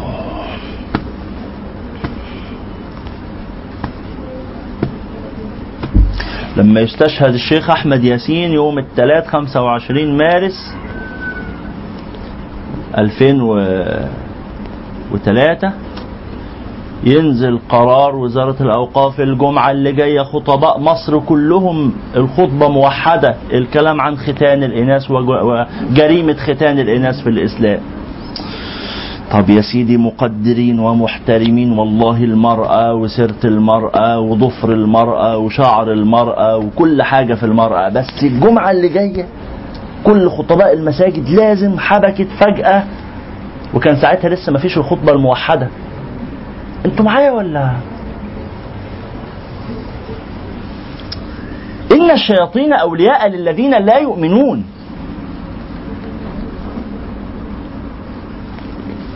أصدقاء للذين لا يؤمنون أصحاب للذين لا يؤمنون أنصار للذين لا يؤمنون مدافعين عن الذين لا يؤمنون ينصرون الذين لا يؤمنون. مين بقى الذين لا يؤمنون دول؟ لا ما حدش خلاص. اتلغت الكلمة دي. تعرفوا قرآن تنزيله على واقعنا لما واقعنا يتغير. إيه؟ ما نلاقيش قرآن. ولا نلاقي واقع ولا نلاقي حاجة. فين بقى أولياء الشيطان؟ لا ما عادش فيه خلاص الجميع مؤمن. كله مؤمن. كله مؤمن. وكله كافر. وأنا كافر وأنت كافر وكل من له كافر يصلي عليه. آه، مش حاجة تضايق؟ ولا ما تضايقش؟ ولا إيه الموضوع؟ مين يا رب أولياء الشيطان؟ أولياء آه، آه، إنا جعلنا الشياطين أولياء للذين لا يؤمنون وإذا فعلوا فاحشة أولياء الشيطان هم. قالوا وجدنا عليها بقى تعودنا كده وثقافتنا كده وطريقتنا كده وحياتنا كده و... والتدين الجميل والوسطي والوسطك و... على رأي آه، واحد من أحبابنا يقول تدين البهجة والعشم. إحنا متدينين بس يعني إيه؟ تدين الهيصة كده تدين ال- الفلكلور. عارفين ده؟ اللي هو عادي متدينين بس يعني يوم العيد يعني في رمضان نسح دموع ويوم العيد أعلى نسبة تحرش. في يوم يعني كده. وبرضه شعبنا شعب متدين الحمد لله وبنحافظ على بناتنا وما بنعكسش بنات حتتنا بس بنات أي حتة تانية يعني ما يجراش حاجة. يعني طب وبنات حتتنا؟ لا ما نعكسهمش لا بنات ولاد المنطقة اللي جنبنا هم اللي يعكسوهم لا لا مؤاخذة عشان خاطر مقسمين الاختصاصات. شعب متدين كده وعلى الفطرة النقية كده حاجة الحمد لله أصيلة أصيلة يعني. طب يا حاج والبتاع ده لا يجوز وحرام. ما حرام إيه؟ أبويا كان بيعمله وامي بتعمله وخالتي بتعمله. وخلاص وطلعنا كده وعشنا كده وحياتنا كده. هتغيروا لنا حياتنا يعني كمان. ده كل هم. قالوا وجدنا عليها آباءنا. إيه ده؟ مش بس كده. والله أمرنا بها. ده الكلام ده ده إيه؟ ده ربنا اللي قال لنا كمان نعمله. ويدور على حتة من اليمين والشمال. يا ابني بتغش ليه؟ ولا بتغشش صاحبك إيه؟ وتعاونوا على البر والتقوى. ولا تعاونوا على الإثم والعدوان. إيه بقى الإثم؟ هو الإثم إن أنت تغش وتغشش ولا لا؟ الإثم والعدوان إن أنا يبقى معايا وما أديهوش. اللي معايا يدي للي معهوش واللي مش كده ولا إيه؟ والله أمرنا بها. أنت يا عم أنت بتعاكس البنات ليه؟ والله بأدخل السرور على قلب مسلمة. يا روح خالتك. حلو. طب وأنت يا بنتي يا ماشية بشعرك عامل كده ليه ومع منفوخ وملونة وشك 18 لون؟ والله إن الله جميل يحب الجمال. ده جمال. ده جمال مبارك. إيه يا بنتي اللي انت عاملاه ده؟ ما يصحش غلط. وحش كده. وحش. مش مش حسن ابدا ده قبيح. لا ما هو أصل يعني آه، اسعى يا عبد وأنا اسعى معاك أنا برضو عايز أتجوز. يا بنتي والله وإحنا عاوزينك تتجوزي وتقعدي في بيتك وما نشوفش خلقتك تاني يا رب. بس بس مش كده. وبعدين طب انت هتعملي معصية ولا انت هتعملي مصيبة؟ تلزقها ليه في شرع ربنا؟ انت عيل صايع وعايز يروح يقتل الناس والعياذ بالله. تقول لي بقى ان هنضم لداعش وهبقى آه، بتاع ده آه، بجاهد في سبيل الله. جهاد انت عبيط. طب ما حافظ حاجة في القرآن اتعلمت دينك. أنا بكلمكم عن شباب حقيقيين عايزين يروحوا ويعملوا بتاع طب تعالى يا ابني نقعد نتكلم معاه. ما قراش حاجة ما ذاكرش حاجة في حياته ما اتعلمش خالص. خالص. بس اهو كده. عايز هو حاسس إيه؟ يعني افلام ال- السينما مأثرة عليه في فكرة البطولة والإقدام ورشاشات كده وبتاع. فعايز يعيش هذه الأجواء البطولية. وليس له صبر ولا جلد على إنه فعلا يقعد يذاكر ولا يقرأ ولا يتعلم ولا يعرف ما الذي يأمر به الله وما الذي ينهى عنه الله ومش مش مستعد يبذل هذا الجهد. طب يبقى تعمل فاحشة وتقول أن الله أمرنا بها. ليه؟ ليه؟ قل إن الله لا يأمر بالفحشاء. ببساطة يعني. اللي أنت بتعمله ده وحش وربنا ما بيأمرش بالوحش. بس سهلة. قل إن الله لا يأمر بالفحشاء. أتقولون على الله ما لا تعلمون؟ هتألف. تخترع دين ربنا. آه إيه المشكلة؟ ما يعني ما أنا بفهم الدين وأنت بتفهم الدين وكل واحد يفهم الدين زي ما هو. عاوز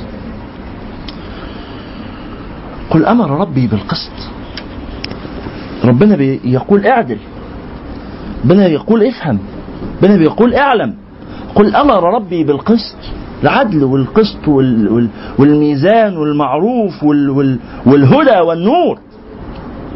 أتقولون على الله ما لا تعلمون؟ قل أمر ربي بالقسط وأقيموا وجوهكم عند كل مسجد وادعوه مخلصين له الدين كما بدأكم تعودون. كما بدأكم تعودون. والله لفة ورجعة يا أخوانا لفة ورجعة كما بدأكم تعودون. فريقا هدى وفريقا حق عليهم الضلالة زي ما بدأت زي ما هتخلص زي ما في أول يوم في الأرض قابيل وهابيل زي ما هيختم آخر يوم في الأرض أبناء قابيل وأبناء هابيل. ماشية كده. وأنت بتختار وبتحدد مصيرك و... ولا يخطرش في بالك إن يعني إيه؟ إن هذا الصراع سينتهي وإن كل البشر يبقوا مؤمنين ونعيش في سلام و... وقيام و... و... و... و... وتبات ونبات والكلام ده. مش م... مش ممكن. م? آه مرحلة البطة السعيدة ده مش دي مش موجودة في الدنيا. إن خلاص الحمد لله الأوضاع استقرت ده مش هيحصل. كما بدأكم تعودون. فريقا هدى وفريقا حق عليهم الضلالة. طب ليه يا رب حق عليهم الضلالة ليه؟ أهو إنهم اتخذوا الشياطين أولياء. طب بس أنا ما صاحبت الشيطان يا رب. ده أنا مصاحب آه، بتاع ده خالد وأحمد وعبد السلام وجورج و... و... وتوني. مفيش واحد من أصحابي اسمه شيطان. في حد يا جماعة ابدا في, في مصر أو في العالم اسمه شيطان؟ ما ما يعني ما نعرفش إن في حاجة اسمها كده. في آه طلعوا الاسم جديد آه إيه؟ للأسف بره آه آه بس ده يعني مش شائع قوي يعني. مش شائع قوي اسمه إيه بال إيه؟ مش سامع. ساتن. ففي بيسموا ساتن؟ آه ماشي. يسموا إيه؟ وفي اسم تاني؟ مش سامع. لوسيفر؟ لوسيفر. توكلنا على الله. ماشي. الأخ آه، لوسيفر والأخ س- سيتن وما إلى ذلك. أسماء قليلة برضو أظن مش منتشرة خالص يعني. يسموا ميري يسموا كده ده منتشر أكتر. ديفيد داوود يعني إلى آخره. فاللي هيجي يوم القيامة ده ربنا بيقول له أنت اتخذت الشيطان صديقا يقول له أنا ولا واحد من أصحابي اسمه ستيفن واسمه آه، أنا آسف إني ما حفظتهمش يعني مش مهم. أنتوا فاهمين. ولا واحد من أصحابي اسمه كده ما فيش حد من أصحابي اسمه شيطان. يقول له لا. ده أنا قايل لك من ثلاث سطور قبلهم بس أنت كنت سرحان. إنا جعلنا الشياطين أولياء للذين لا يؤمنون. يبقى اللي شكله من بره ده اسمه بتقول عليه محمد ولا عبد السلام ولا خالد ولا بتقولي عليها نيفين ولا هدى ولا نهى ولا سهى ما اسمهاش نهى وما اسمهاش هدى وما اسمهاش آه، إلى آخره. إكس يعني وسين وصاد. اسمها ولية الشيطان. اسمه ولي الشيطان. الأسماء مش مقصودة عشان يعني ما حدش ياخد الموضوع بهزار. اسمه ولي الشيطان. إيه العلامة الناس اللي بتتكلم؟ إيه العلامة؟ إنا جعلنا الشياطين أولياء للذين لا يؤمنون. هو طب إيه معنى مؤمن؟ ما هي مؤمنة؟ والله صاحبتي مؤمنة. لا ما هو أصل المؤمن ده مش كلام. الإيمان ما وقر في القلب وصدقه العمل. أعمال أعمال مؤمن. سلوك سلوك مؤمن. حياته حياة مؤمن. النبي صلى الله عليه وعلى آله وصحبه وسلم. قال إذا رأيتم الرجل يعتاد المساجد فاشهدوا له بالإيمان. هو ده معنى مؤمن. مؤمن يعني في المسجد. مؤمن يعني من أهل الصلاة. طب واحد ما بيروحش المسجد يقول أنا مؤمن والله بص ده أنا قلبي خصاية بيضة. ده أنا قلبي أبيض من اللبن الحليب. ولا لبن حليب ولا لا لا, لا زفت طيب. مفيش الكلام ده مش موجود. إذا استقام ال- ال- الباطن استقام الظاهر ولا بد. فالإيمان مش مش مسألة قلبية فقط إنما الإيمان مسألة قلبية يصدقها العمل في الواقع. أين أنت من الصلاة؟ ألا إن؟ فيجي واحد يقول والله أنا ما بصليش بس أنا يعني يعني أنا عشان ما بصليش أبقى شيطان؟ أيوه. بسم الله الرحمن الرحيم. الإجابة؟ نعم. حضرتك ما بتصليش؟ أنت مش شيطان بشكل مباشر أنت من اوليائه يعني اصحابه المقربين اللي هيستخدمك إن شاء الله في إهلاك الأمة. ويجوا يوم القيامة متعلقين في رقبتك وتقول يا رب والله ده أنا ما كنتش أقصد براحتك الآية أهي. إنا جعلنا الشياطين أولياء للذين لا يؤمنون. بس أنا مؤمن يا رب. آه، ماشي. إيه علامة إيمانك؟ قال رسول الله صلى الله عليه وسلم الحد الذي بيننا وبينهم الصلاة فمن ترك الصلاة فقد كفر.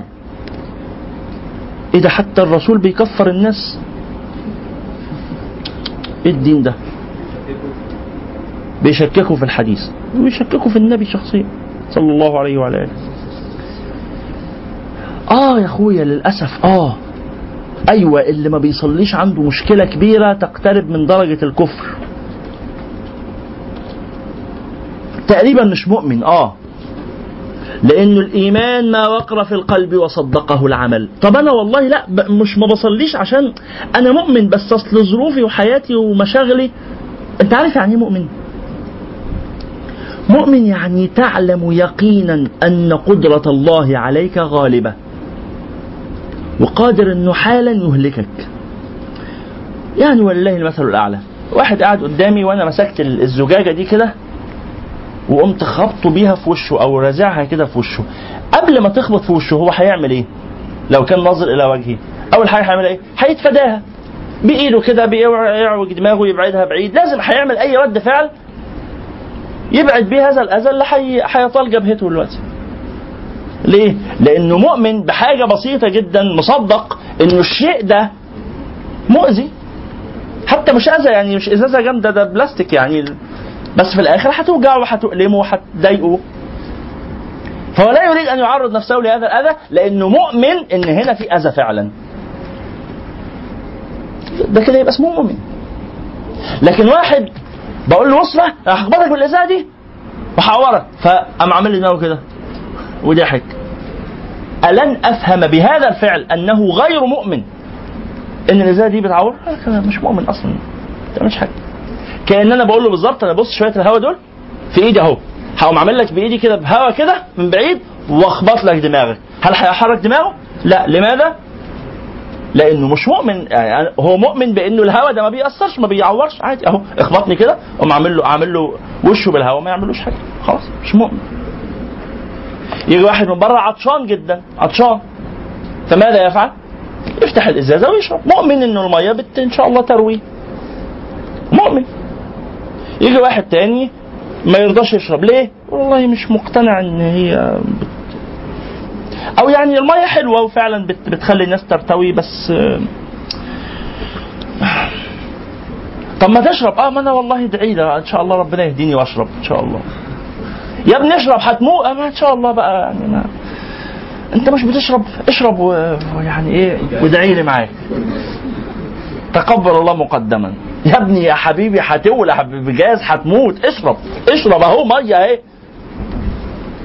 آه الله على الأيام الجميلة اللي كنت بشرب فيها في رمضان. أنا والله بشرب بشرب كل جمعة.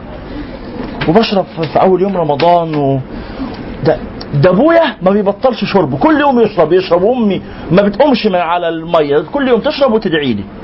والحمد لله أنا كل لما أبويا يشرب أنا إيه؟ أرتوي. أمي تشرب وتدعي لي أنا عايش في الدنيا ببركة دعاء أمي والشرب اللي بتشربه. الحمد لله. انت في الغالب الوالدة الكريمة احتمال كانت بتشرب حاجة مسكرة عشان كده طلعت هذه ال- الدماغ غير المستقيمة. تشرب إيه؟ تشرب مية متأكد؟ يا ابني انت لو مؤمن ان المية دي فعلا بتنقذ فهمتوا المقصود يا اخوانا؟ لو مؤمن ان المية دي بتنقذك من العطش الشديد اللي انت فيه ده والإعياء والحر وال... اللي انت فيه لو مؤمن ان المية فعلا فيها هذه الخاصية الإروائية هتفتح الإزازة فورا وتشرب. بس انت اللي منعك من فتح الإزازة ما تقوليش بقى كسل وما كسلش. مش مؤمن ما أقصدش بيها إنك كافر بس واصلة. مش مصدق. مش مصدق مش في مشكلة في مشكلة كبيرة. انت مش مصدق تصديق من اللي بجد. انت اللي هو آه هشرب ماشي هشرب. إنا جعلنا الشياطين أولياء أولياء. الكلام ده تاني. لقد أنزلنا إليكم كتابا فيه ذكركم. أنا ممكن أكون موجود أنا أنس اللي بتكلم أهو دلوقتي وعامل نفسي شيخ ممكن أكون موجود في الآية دي في الجملة دي. إنا جعلنا الشياطين أولياء للذين لا يؤمنون. ف والعياذ بالله ممكن أكون من أولياء الشيطان. إزاي؟ إذا فعلوا فاحشة قالوا وجدنا عليها بأن. والله أمرنا بها. لكن في مشكلة تحت. شوف كده السطر الأخير. إنهم اتخذوا الشياطين أولياء من دون الله ويحسبون أنهم مهتدون. ويحسبون أنهم أنا زي الفل وجميل ومفيش مشاكل. يا بني آدم اللي بعدها بقى خذوا زينتكم. الآية اللي وراها طب الحمد لله يعني تنتبهوا لما كيد الشيطان. الآن بقى انشغلوا بحياتكم شوفوا هتعملوا إيه في الدنيا. خذوا زينتكم البسوا وكلوا وتزينوا واعملوا كل اللي أنتوا عايزينه مفيش أي مشاكل. بس على فكرة خذوا زينتكم فين؟ عند كل مسجد. يعني إيه؟ زينتكم هنا معناها الصلاة. خذوا زينتكم مش معناها البسوا وتفسحوا. خذوا زينتكم معناها صلوا. هذا معنى للآية ليس هو المعنى الوحيد يعني. خذوا زينتكم عند كل مسجد يعني زينة الإنسان هي الصلاة.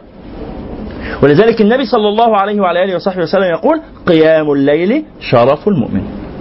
شرف. يبقى عايز تتزين عايز تبقى وشك حلو كده وجميل وفطرتك كويسة وقلبك كويس وحياتك مستقيمة عايز تتزين؟ خذ زينتك في الصلاة. خذوا زينتكم عند كل مسجد. هذا معنى. المعنى الثاني لا خذوا زينتكم معناها اللبس فعلا والزينة.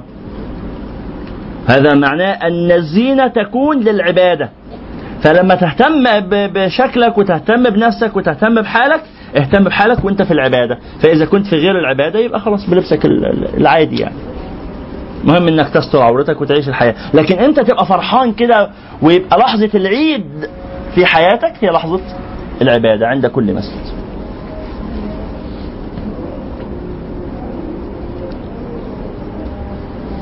يا بني آدم خذوا زينتكم عند كل مسجد وكلوا واشربوا ولا تسرفوا.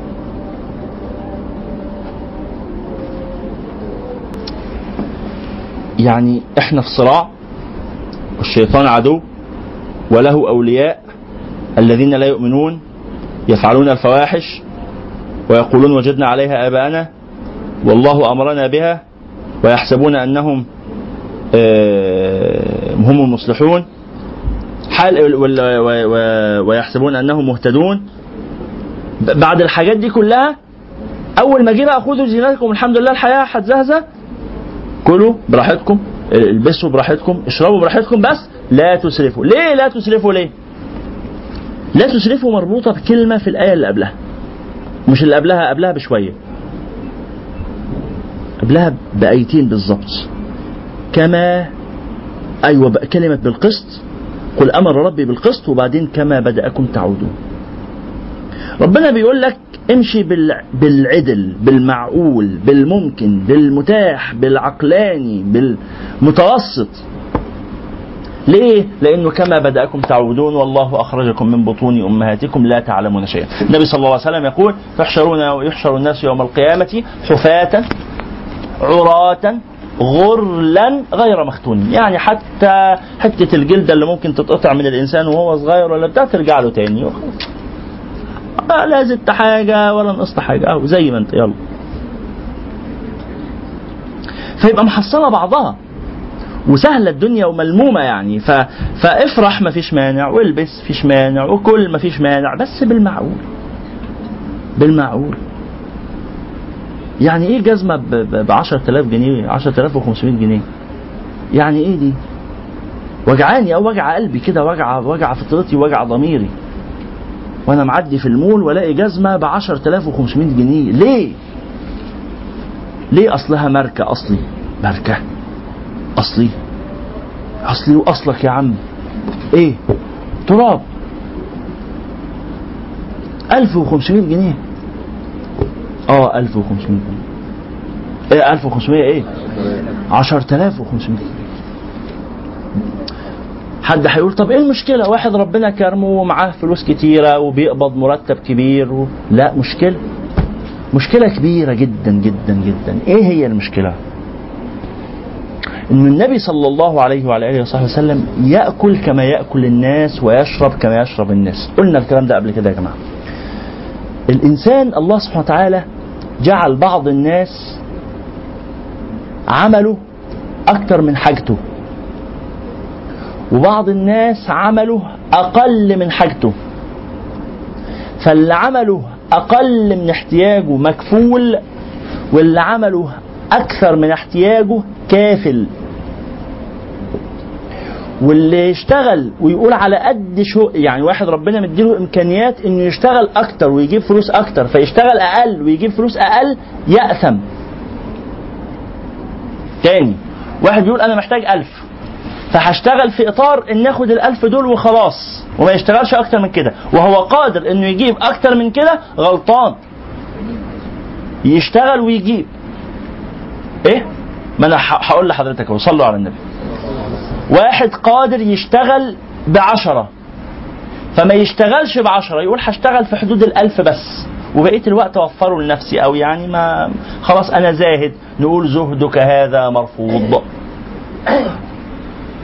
ليه زهده مرفوض ليه؟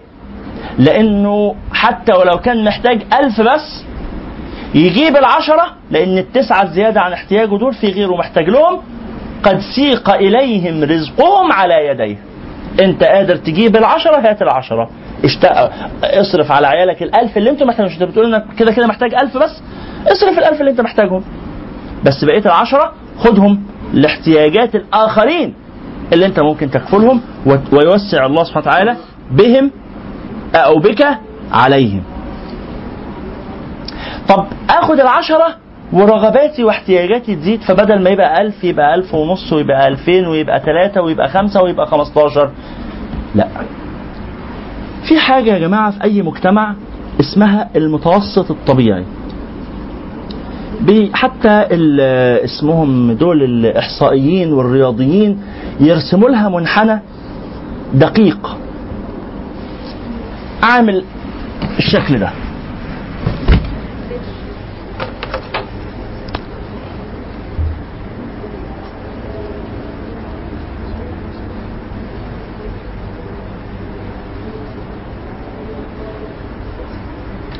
ويسموه المنحنى الجرسي هو شبه ال- الجرس.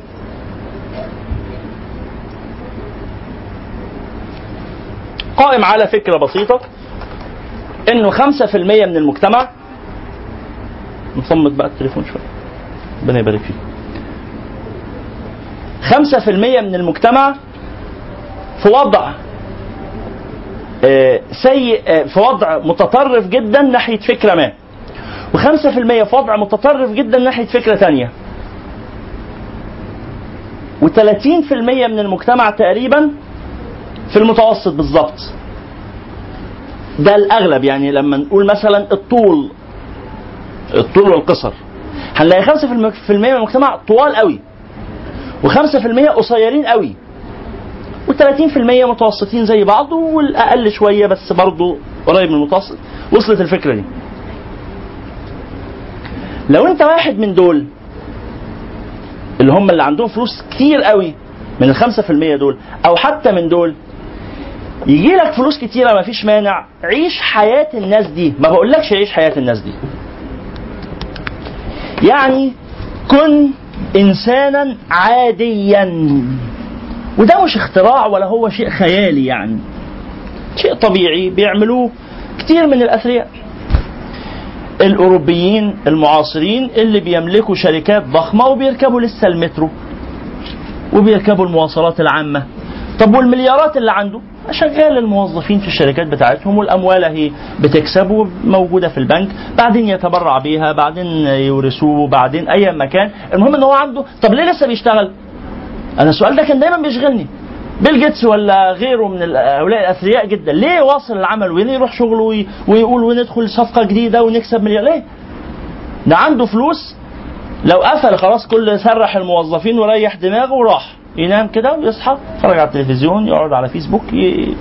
كده يستمتع بحياته. يستمتع بحياته وخلاص ومعاه فلوس تكفيه في كل احتياجاته. ها؟ ليه ما بيعملش كده؟ لأنه في معنى اسمه قيمة العمل. فبيشتغل من أجل هذه القيمة عشان يحس إنه بني آدم. بس. ولذلك أنا كنت من سنة بالظبط كنت في اليابان. واحد صديقي معاه دكتوراه مقيم في اليابان مصري آه، مش مصري عفوا أردني.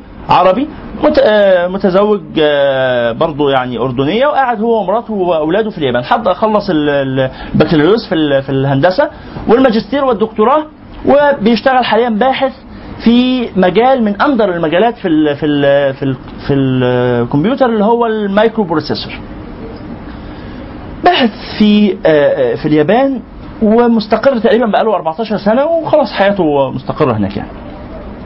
تعرفت عليه من خمس سنين في ماليزيا. يعني أنا أنا عربي وهو عربي ولما اتقابلنا اتقابلنا في ماليزيا ورجعنا اتقابلنا بعدها بخمس سنين في اليابان يعني تشكيلة غريبة. آه، فبقول ب- بنتكلم على أوضاع الناس اجتماعيا في اليابان المرتب قال لي المرتب اللي أنا بقبضه ما بيختلفش كتير أو تقريبا ما بيختلفش خالص عن المرتب اللي بيقبضه العامل اللي في السوبر ماركت فأنا فزعت يعني ده قلت له إزاي؟ قال لي متوسط المرتبات كلها زي بعضها يعني المرتب العالي قوي دول أصحاب الشركات الكبرى في ناس أثرياء طبعا في في اليابان. بس دول. الرأسماليين الكبار أصحاب الشركات. لكن الموظفين آه، عادي تبقى موظف كده وتبقى موظف كده. قلت له طب وأنت إيه اللي يخليك يعني تبذل بي- بيذاكر وبيشتغل بمجهود غير عادي؟ قلت له طب وأنت إيه اللي يخليك تعمل كل ده؟ طب بشتغل آه، في السوبر ماركت عادي يعني الموضوع مش فقال لي لا هو قلت له أنا الحقيقة ما سألتوش عن نفسه أنا قلت له طب إيه اللي يخلي الناس تشتغل شغلانات شاقة ما كل الناس تشتغل في الشغل البسيط السوبر ماركت ولا أي حاجة وخلاص هو في الآخر نفس المرتب تقريبا. قال لي لا هو ال- المرتب هتاخده كده كده حتى لو ما بتشتغلش حتى مرتب إعانة البطالة آه، إعانة البطالة هناك ما بتشتغلش خالص هيكفل لك إنك تسكن في مسكن لائق جدا وتاكل أكل لائق جدا. أي نعم مش هيبقى تقدر تمتلك سيارة بس تقدر تركب المترو. و...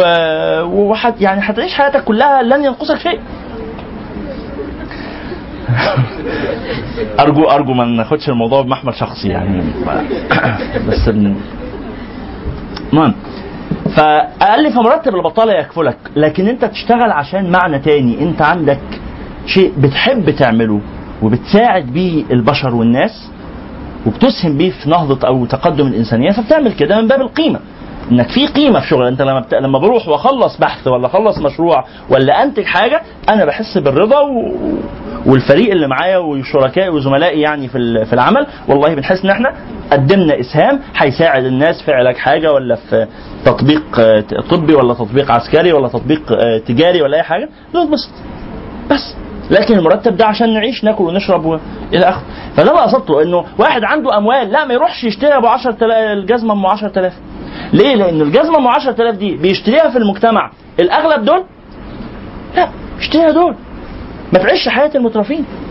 وحياة المترفين دي يعني لها تعليق آخر نتعرض له. تعالوا نشوف. يا بني آدم خذوا زينتكم. خذ زينة مفيش مانع. تزين و...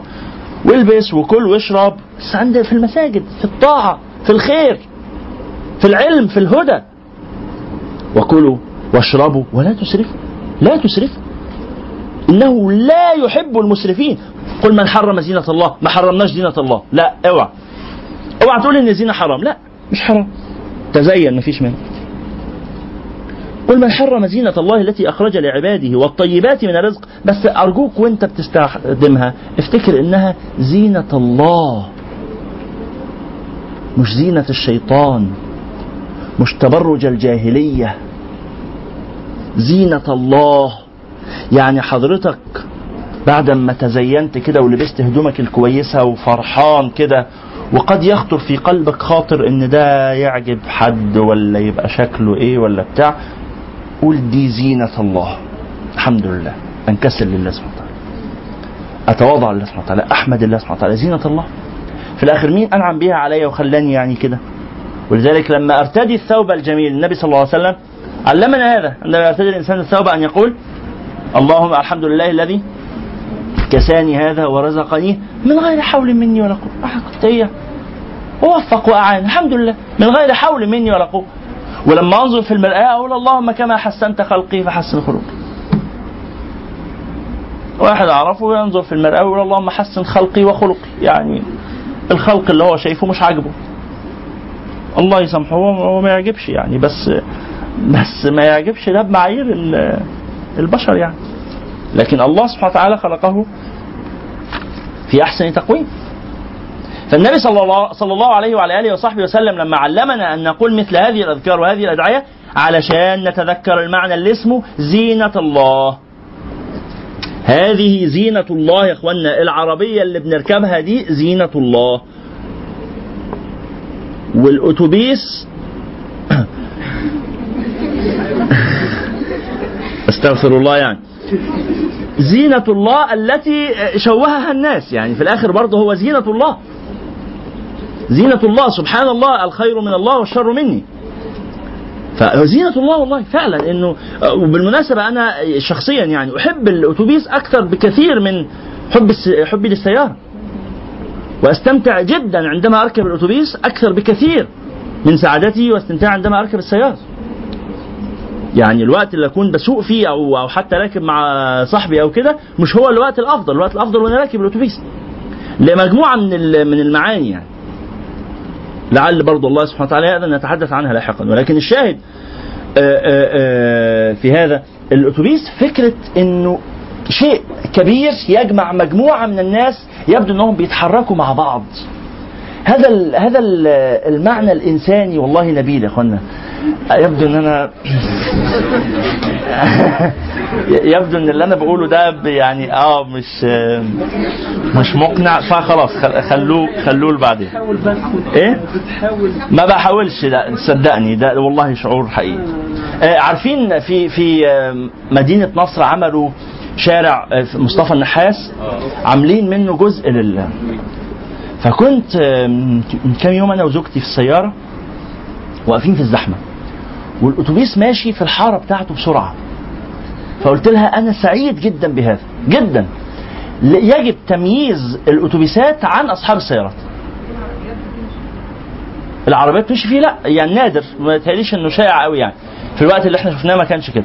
لكن آه، يجب تمييز الأتوبيسات والنقل العام والمترو يعني أي حاجة بيستخدمها الجمع يجب أن تكون مميزة وأن تكون أفضل من السيارات الخاصة. يعني يحطوا على عربياتنا في آه، آه، ضرائب ما بدعوش لكده طبعا بس يعني ما بدعوش لكده لش يعني لأنه لمشكلة تانية لمشكلة تانية. آه يعني نسأل الله السلامة نسأل الله السلامة. ما نتمناش لقاء العدو بس. لكن لكن لكن اللي أقصده إنه إنه فعلا آه لو وفي صورة مشهورة عن شارع في خ... لو. في 50 إنسان هيتحركوا 50 إنسان هيتحركوا ب 50 عربية شكل الشارع عامل إزاي؟ هيتحركوا ب 50 آه، بتاع ده آه، كان إيه تاني عجلة هيبقى شكل الشارع عامل إزاي؟ هيتحركوا بباص هيبقى شكل شارع شكل الشارع عامل إزاي؟ فاضي خالص باص واحد وي- ويوصل لكل حتة وكلنا قاعدين مرتاحين وبالنا رايق وان كنا هنقرا حاجة. يعني شيء جليل. يعني فكرة الباص أو الأتوبيس شيء كفاية كده. أيوه أنا بتكلم على الفكرة. التطبيق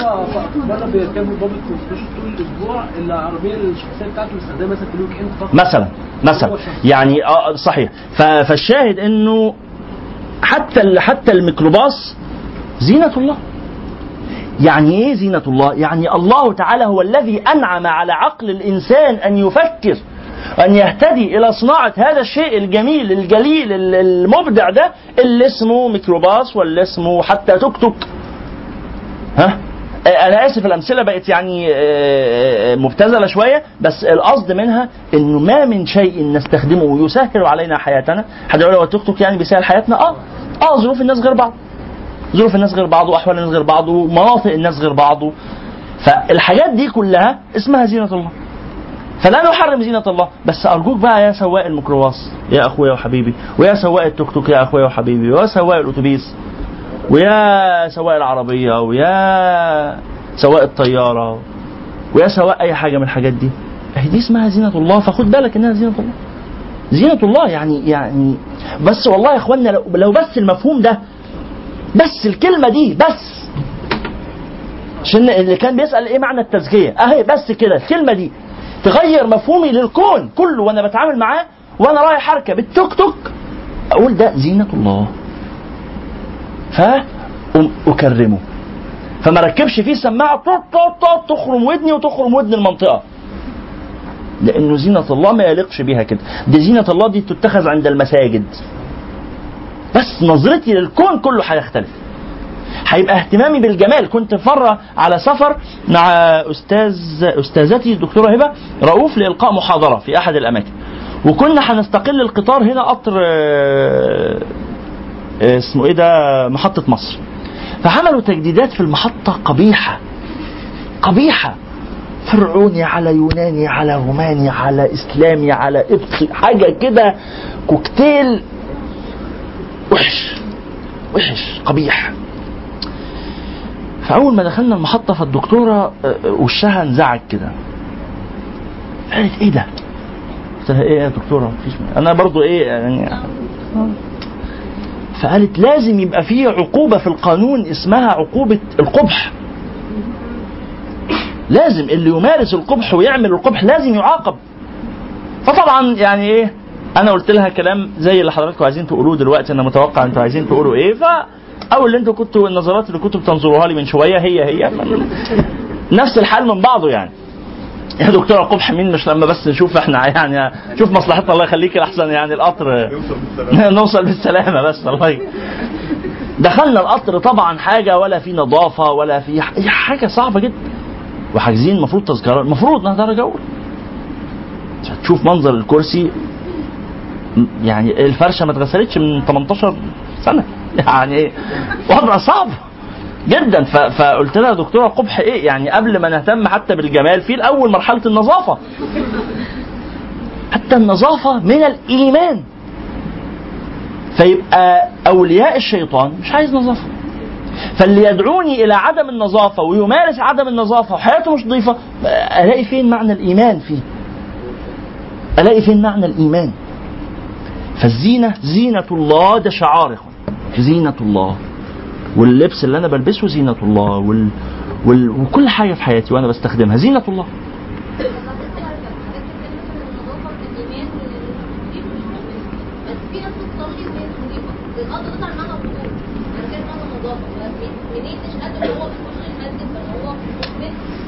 غير كامل الإيمان. ما هو الإيمان؟ يزيد وينقص. هم. هم للكفر يومئذ أقرب منهم. درجات. قل هي للذين آمنوا في الحياة الدنيا خالصة خالصة خالص اللي هي يا رب زينة الله. اتزينوا يا مؤمنين افرحوا يا مؤمنين وسعدوا يا مؤمنين. خالصة يوم القيامة. كذلك نفصل الآيات لقوم يعلمون. آيات متفصلة. لقوم يعلمون. قل إنما حرم ربي الفواحش. أو ده بقى الحرام بقى. الفواحش. ما ظهر منها وما بطن. فواحش الظاهر وفواحش الباطن والإثم والبغي بغير الحق الظلم والعدوان والافتراء والجبروت. كل ده حرام. وده اللي ربنا حرمه. وأن تشركوا بالله ما لم ينزل به سلطانا وتعبدوا الرؤساء وتعبدوا الوزراء وتعبدوا الأمراء وتعبدوا المديرين وتعبدوا الأزواج وتعبدوا الزوجات وتعبدوا الأبناء وتعبدوا الفلوس وأن تشركوا بالله ما لم ينزل به سلطانا أهو ده اللي ربنا حرمه وأن تقولوا على الله ما لا تعلمون مين هيدخل الجنة ومين هيدخل النار ومين هيحصل فيه إيه. وأن تقولوا وتفتوا في الدين بغير علم وأن تقولوا على الله ما لا تعلمون أهو ده اللي ربنا حرمه ولكل أمة أجل. هيجي بقى يوم الحساب ويبان. ولكل أمة أجل. فإذا جاء أجلهم لا يستأخرون ساعة. لا يستأخرون ساعة. ولا يستقدمون يا بني آدم. تاني يا بني آدم. تاني. يا بني آدم. خذوا بالكم. يا بني آدم. فوقوا. يا بني آدم. إما يأتينكم رسل منكم يقصون عليكم آياتي هيحصل الكلام ده يا بني آدم هيجي لكم رسل وعلى فكرة الرسل جم وعلى فكرة ما زالوا بيجوا وعلى فكرة هيفضلوا يجوا. إلى يوم القيامة. وسيدنا رسول الله محمد هو الرسول الخاتم من البشر. من البشر. لكن في رسل وما يعلم جنود ربك إلا هو. هو الرسول الخاتم الموحى إليه. لكن في في رسل آخرين. والله سبحانه وتعالى يسير أمر الكون يعني بحكمة علية يعلمها هو. فيجوا الرسل يقصون عليكم آياتي. أهو القرآن أهو معاك القرآن اقرأ. أهو قصة موجودة. يقصون عليكم آياتي. فمن اتقى وأصلح فلا خوف عليه ولا هم يحزنون. والذين كذبوا بآياتنا واستكبروا عنها أولئك أصحاب النار. هم فيها خالدون. يبقى المسألة واضحة ومحسومة. كما بدأكم تعودون فريقا هدى وفريقا تاني الآية بتتكرر أهي. فمن اتقى وأصلح فلا خوف عليهم. لا خوف ما, ما فيش خوف خلاص ما تخافش. لا خوف ولا حزن ولا ولا حاجة خالص. في زينة وفي فرح وفي سعادة. والتانيين والذين كذبوا بآياتنا واستكبروا عنها أولئك أصحاب النار هم فيها خالدون. فمن أظلم ممن افترى على الله كذبا أو كذب بآياته مين أظلم؟ ما فيش. ما فيش. لا أظلم من ذلك يا ربي. فمن أظلم ممن افترى على الله كذبا؟ سؤال. أو فمن أظلم ممن افترى على الله كذبا؟ تعجب. أو كذب بآياته. ظلم عظيم وبهتان مبين. شوف الآية. أولئك. طب لحظة واحدة لحظة واحدة. هو اللي افترى على الله كذبا ده. مش يمكن أكون أنا؟ وأنا ما خدتش بالي وقلت على الله ما لم يقل. لا ما افتكرش إن أنا عملت حاجة زي كده. طب ما أحاول أفكر شوية بس كده في الآية. أنا أكيد مش موجود في الآية دي. أنا افتريت على الله كذبا. طب ما ندور يا اخوانا كده. ندور كده مع بعض. ندور كده في عقولنا. هل افتريت على الله كذبا؟ بإن أنا مثلا قلت إن فلان ده عمره ما هيدخل ما هيورد على جنة. ما قلتهاش دي قبل كده؟ إن فلان عمره ما هيورد على جنة. شكلي قلتها باين. بس ده ظالم جدا. ومجرم. أيوه مجرم فعلا. بس عمره ما هيورد على جنة. مين قال لك؟ فلان ده لما مات ما قلتش آه، جهنم وبئس المصير؟ ما قلتهاش؟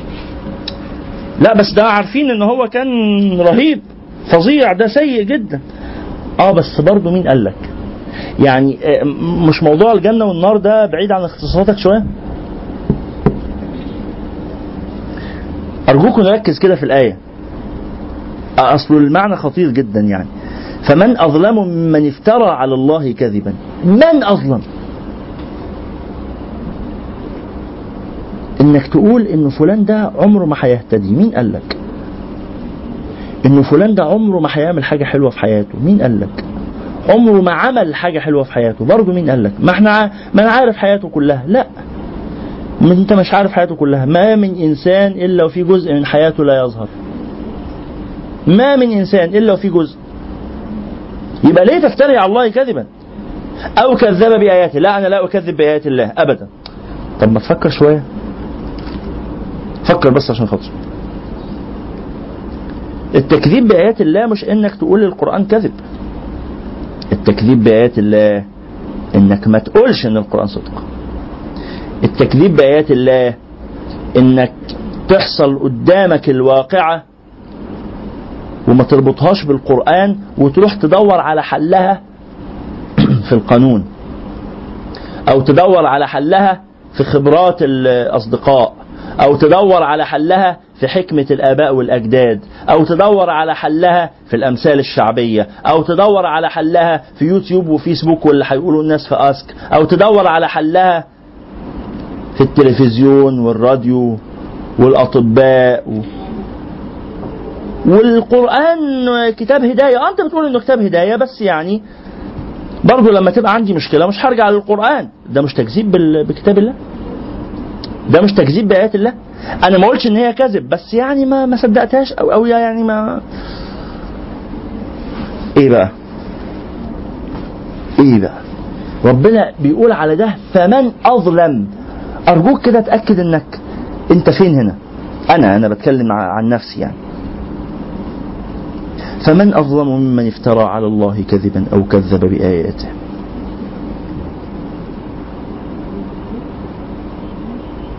اللهم لا تجعلنا من هؤلاء.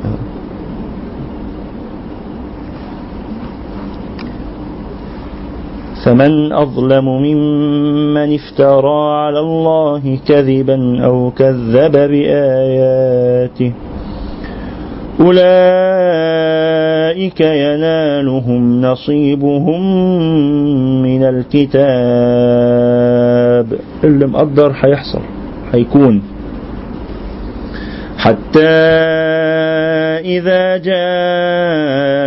جاءتهم رسلنا يتوفونهم قالوا قالوا أين ما كنتم تدعون من دون الله؟ فين بقى؟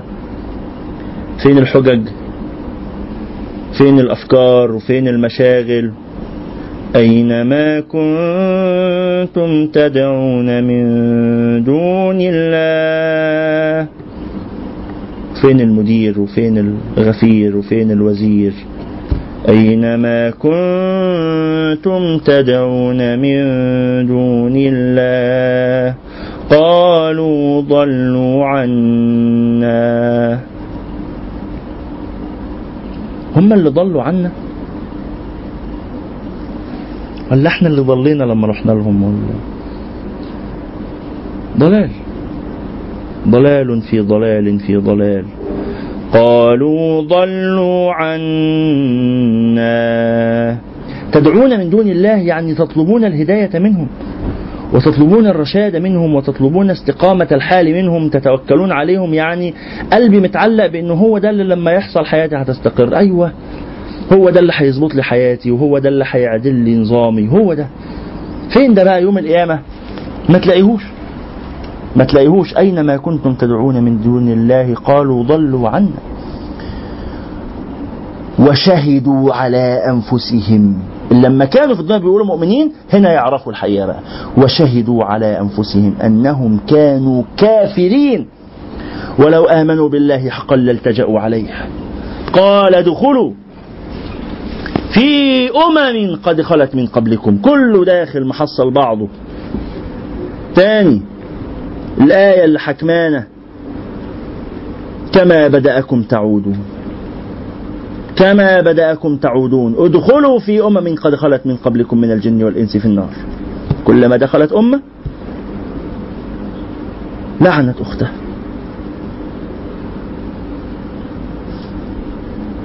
حتى إذا اداركوا فيها جميعا قالت أخراهم لأولاهم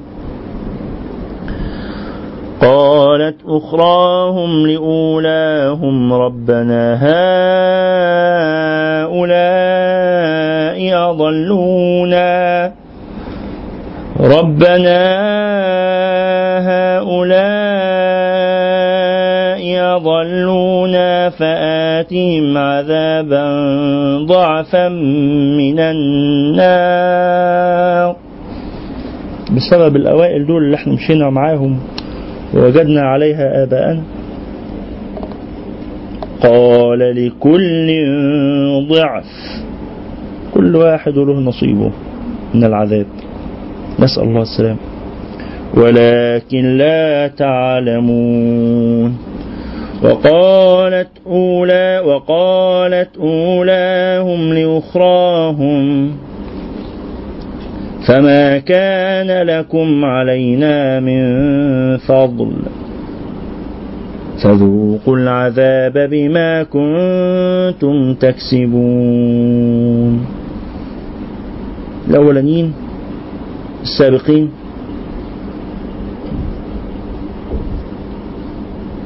يقولوا ما عملتوش أحسن من اللي عملناه. قعدتوا تقولوا إحنا الجيل اللي هيعمل وإحنا الجيل اللي هيعمل. ما عملتوش. فذوقوا العذاب بما كنتم تكسبون. إن الذين كذبوا بآياتنا واستكبروا عنها لا تفتح لهم لا تفتح لهم أبواب السماء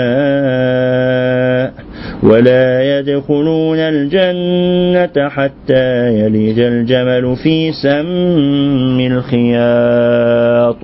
وكذلك نجزي المجرمين. لهم من جهنم مهاد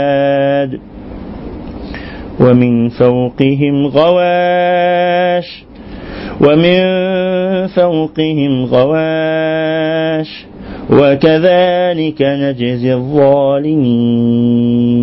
أشياء من تحتهم من نار ومن فوقهم ظلمة.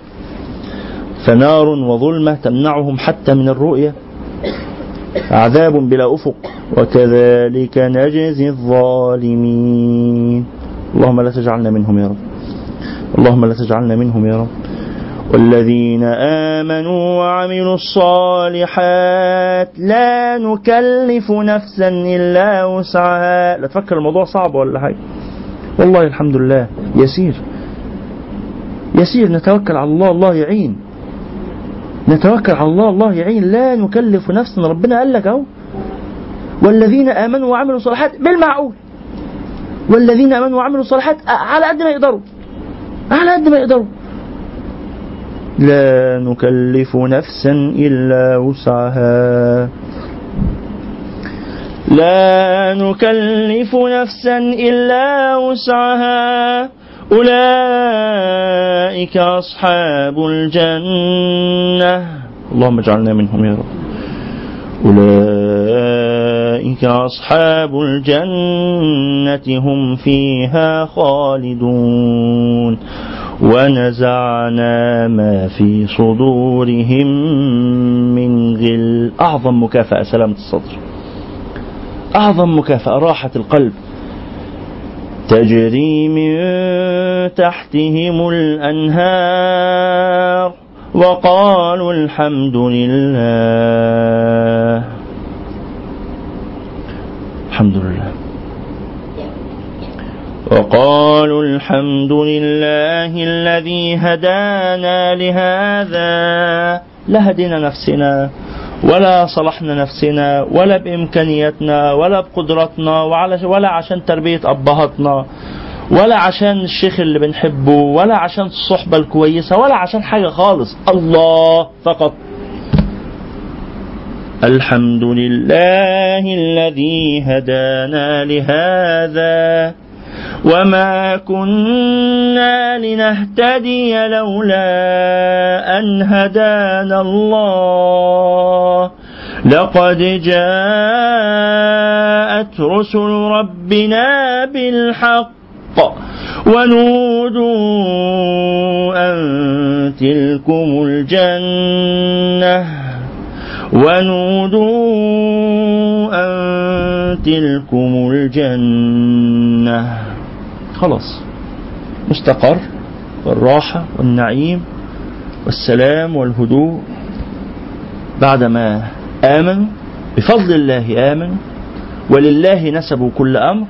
وقالوا حمدوا الله وقالوا الحمد لله الذي هدانا لهذا. وما كنا لنهتدي لولا أن هدانا الله لولا أن هدانا الله لولا أن هدانا الله لقد جاءت رسل ربنا بالحق سلمنا وعرفنا وأقررنا واعترفنا لقد جاءت رسل ربنا بالحق ونودوا خلاص انتهى الأمر تلكم الجنة ونودوا أن تلكم الجنة تلكم الجنة أورثتموها. ليه بقى؟ بما كنتم تعملون على فكرة لو كانوا قالوا هدينا بما كنا نعمل والله ما كانوا أصابوا الجنة. بل اعترفوا أن الفضل من الله فقال الله تعالى بل بما كنتم تعملون بسبب أعمالكم وأنتم صالحون وأنتم تستحقون. ولو قالوا نحن نستحق ونحن أهل العبادة وأنا أنا هؤلاء لا يستحقون شيئا. بس برحمة الله. لقد جاءت رسل ربنا بالحق ونودوا أن تلكم الجنة أورثتموها بما كنتم تعملون صدق الله العظيم اللهم صل على سيدنا محمد في الأولين وصل على سيدنا محمد في الآخرين وصل على سيدنا محمد في الملأ الأعلى إلى يوم الدين. اللهم صل على سيدنا محمد صلاة ترضيك وترضيه وترضى بها عنا. اللهم صل على سيدنا محمد صلاة تغفر لنا بها ذنوبنا وتستر علينا بها عيوبنا. اللهم تب علينا وتولى أمرنا. اللهم تب علينا وتولى أمرنا. اللهم تب علينا وتولى أمرنا. اللهم علمنا من القرآن ما جهلنا. اللهم علمنا من القرآن ما جهلنا. وذكرنا منه ما نسينا. اللهم ارزقنا تلاوته آناء الليل وأطراف النهار على الوجه الذي يرضيك عنا. اللهم اجعل القرآن حجة لنا ولا تجعله حجة علينا. اللهم اجعل القرآن حجة لنا ولا تجعله حجة علينا. اللهم آت نفوسنا تقواها. زكها أنت خير من زكاها. أنت وليها مولاها. اللهم اجعل جمعنا هذا جمعا مرحوما واجعل تفرقنا من بعده تفرقا معصوما ولا تدع فينا ولا بيننا ولا حولنا من إخواننا وأحبابنا شقيا ولا محزونا ولا مهموما ولا مكروبا. اللهم فرج كرب المكروبين وفك أسر المأسورين واقض الدين عن المدينين. اللهم اقض الدين عن المدينين. اللهم اشف مرضانا ومرضى المسلمين وارحم موتانا وموتى المسلمين وأعل بفضلك كلمتي الحق والدين. برحمتك يا أرحم الراحمين. اللهم ارض عن آبائنا وأمهاتنا الذين حملونا رسالتك ولم يتركونا نتخبط في متاهات العقائد. اللهم ارض عن آبائنا وأمهاتنا ومشايخنا وأساتذتنا وأصحاب الحقوق علينا. اللهم بارك في جميع أحبابنا وإخواننا وأصحابنا وأنصارنا. اللهم بارك في جميع المسلمين وأهلهم وأحبابهم. اللهم بارك في جميع المسلمين وأهلهم وأحبابهم. اللهم بلغنا رمضان. اللهم بلغنا رمضان اللهم بلغنا رمضان اللهم ارزقنا فيه حسن الصيام وحسن القيام وحسن قراءة القرآن. برحمتك يا أرحم الراحمين. اللهم صل على سيدنا محمد عبدك ونبيك ورسولك النبي الأمي. وعلى آله وصحبه وسلم تسليما كثيرا. عدد ما أحاط به علمك وخط به قلمك وأحصاه كتابك. وارض اللهم عن سادتنا أبي بكر وعمر وعثمان وعلي وعن الصحابة أجمعين وعن التابعين وتابعيهم بإحسان إلى يوم الدين. سبحان ربك رب العزة عما يصفون وسلام على المرسلين والحمد لله رب العالمين. سبحانك اللهم وبحمدك أشهد أن لا إله إلا أنت أستغفرك وأتوب إليك. بسم الله الرحمن الرحيم والعصر. إن الإنسان لفي خسر إلا الذين آمنوا وعملوا الصالحات وتواصوا بالحق وتواصوا بالصبر. جزاكم الله خيرا كثيرا والسلام عليكم ورحمة الله وبركاته. هو الذي بعث في الأميين رسولا منهم يتلو عليهم آياته ويزكيهم ويعلمهم الكتاب والحكمة وإن كانوا من قبل لفي ضلال مبين.